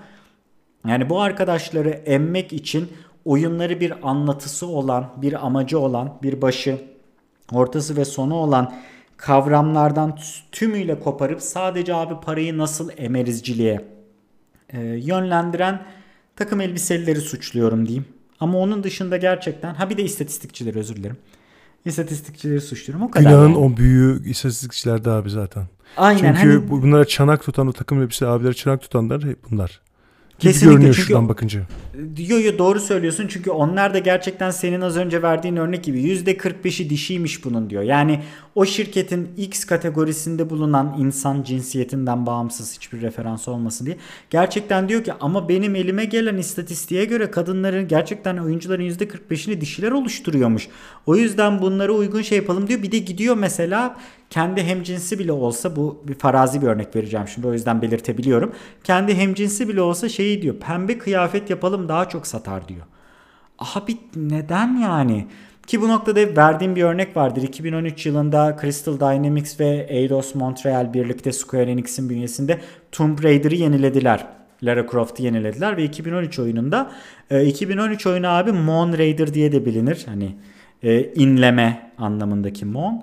Çünkü e, ne Camilla Huddington mı ne öyle bir kız var. Çok tatlı bir kızdır.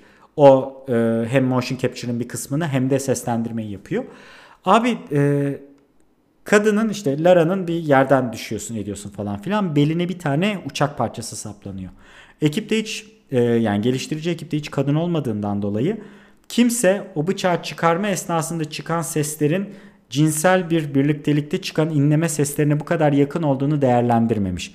Erkekler bunu duyduklarında otomatik olarak bundan keyif aldıklarından dolayı kimse bunda bir problem görmemiş yani. Ama oyun piyasaya çıktıktan sonra YouTube'da bir dakikalık hani çok kaba bir tabir olacak özür diliyorum mastürbasyon için kullanabilecek videolar falan var. Çünkü bir noktaya kadar çekiyorsun sonra bırakıyorsun tekrar yerine giriyor. Çünkü quick time event gibi düşün daha doğrusu hani arka arkaya repetitif bir event tekrar tekrar basıyorsun. Basıyorsun abi bir saatlik video falan var. Hani bizde şey geyiği var Türkiye'de YouTube'da YouTube'da işi biten çıksın esprisi vardır ya video kasıyor. Of of. Abi onun güzel. yabancı versiyonunu yorum olarak görebiliyorsun o videonun altında. Ve hani bak bu da bir inclusive exclusive problemi aslında. O yüzden evet hani bazı şeylerde cinsiyetçi istatistiklerin olması kar. Bunların artıları var. Ama Hani gerçekten işte abi oyun dünyasında işte şu kadar fazla kadın varmış. Hadi işin içine şunu koyalımcılık. Bu kadar fazla erkek varmış şöyle şu yaş aralığındaymış. O zaman gerçekten işte büyük memeli karakter koyalım. Ergen gençler daha fazla alsın oyunu. 80'lerde oyun çöküşünden sonra erkeklere oyun pazarlama kültürü bu. 84'te falan var olan oyun çöküşü var ya. Oyun sektörünün öyle bir şeyi var. Yıkılma evresi var. Ondan sonra sadece erkek demografisine yönlendirilerek yapılmış olan bir pazar aslında video oyunları. Yani o dönemde gelen işte Kek var, e, Nintendo var, bir de ben varım hangimizi alırsın esprisinde bir kadının gencecik bir çocuğun odasına girmesi olayı gibi. Yani evet ya yani, böyle fena. reklamlar sonuçta televizyonlara çıkmış durumda. Ya gibi gibi çok da şey yapmayalım. Birazcık toparlayayım ben. Hani sorularına ya da daha doğrusu kafadaki soru işaretlerine ne kadar cevap verebildim bilmiyorum. Ne kadar dağıldı bilmiyorum. Hani umuyorum bunu geliştirip bu podcast'i geliştirip insanlardan Twitter üzerinden cevap falan daha doğrusu soru hani şurasını biraz daha açar mısınız vesaire gibi şeyleri aldığımızda daha anlamlı olacak diye düşünüyorum. Tekrar hani buna geri dönmemiz istenirse döneriz. Şey yaparız. Ama şunu da son olarak söyleyeyim. Star Wars'un 2014 yılında patlatıldığı, Expanded Universe'un patlatıldığı ve Disney'in her şeyi sıfırladığı dönem vardı hatırlıyorsan. Bunu seninle konuşmasını çok yapmıştık. O dönemde de mesela ben patlatılmayı çok savunmuştum. Çünkü gerçekten eksklusivlikten özel bir gruptan insanları kucak açan bir hale getirebiliyorsun tekrar. Çünkü sen kalkıp da o güne kadar 27 kitabı okumamış bir adamı e, ortama girdiğinde aşağılayabiliyorsun. Burada özellikle adam diyorum çünkü hani e, adam aşağılamak çok popüler bir şeydi orada. E, yani patlattığın zaman Star Wars'a merak salmış olan yeni bir insan geldiğinde ona kapı açabiliyorsun. Çünkü ben de sıfırdan başlıyorum, o da sıfırdan başlıyor. Ya bu aslında insanları kucak açmasıdır. İkimiz de birlikte yeni bir karakter için heyecanlanabiliriz. İkimiz de birlikte Rebels'ı izleyip abi Hera da çok kafa bir karakter değil mi diyebiliriz. Bununla birlikte barda güzel oturup sohbet edebiliriz. Çünkü bu tür şeyler aslında böyle şeylerin getirdiği bir şey. Yani aha İzmir Kon anıları, Konan anıları, Metukon anıları bunlarla ilgili neler neler anlatırım da gerçekten o convention anılarını başka bir zamana atalım diyelim abi. Ne yapalım toparlayalım mı yavaş yavaş? Sen ufak ufak eklemek istediğin bir şey, sen eklemek istediğin bir şey varsa söyle lütfen. Ben çok çünkü aldım yürüdüm özür dilerim.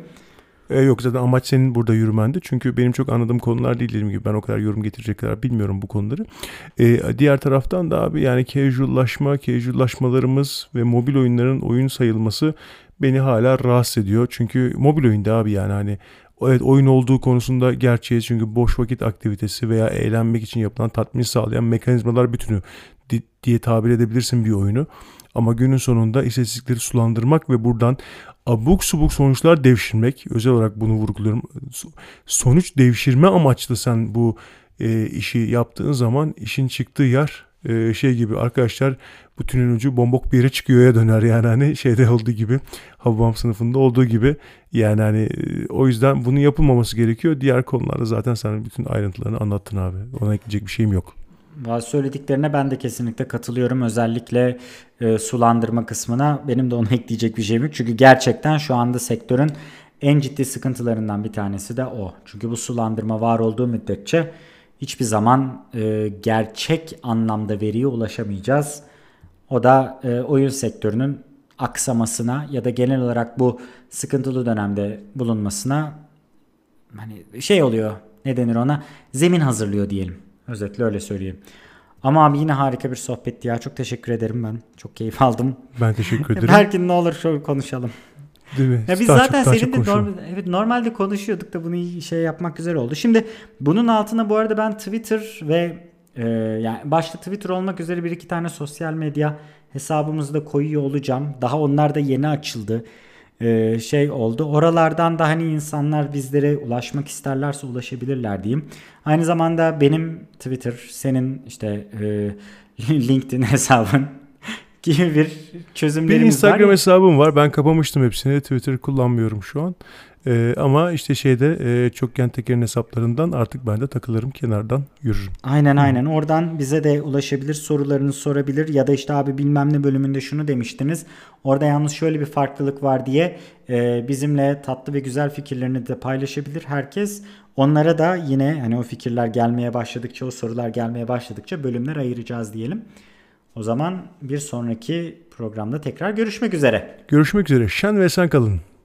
Hoşçakalın. Hey.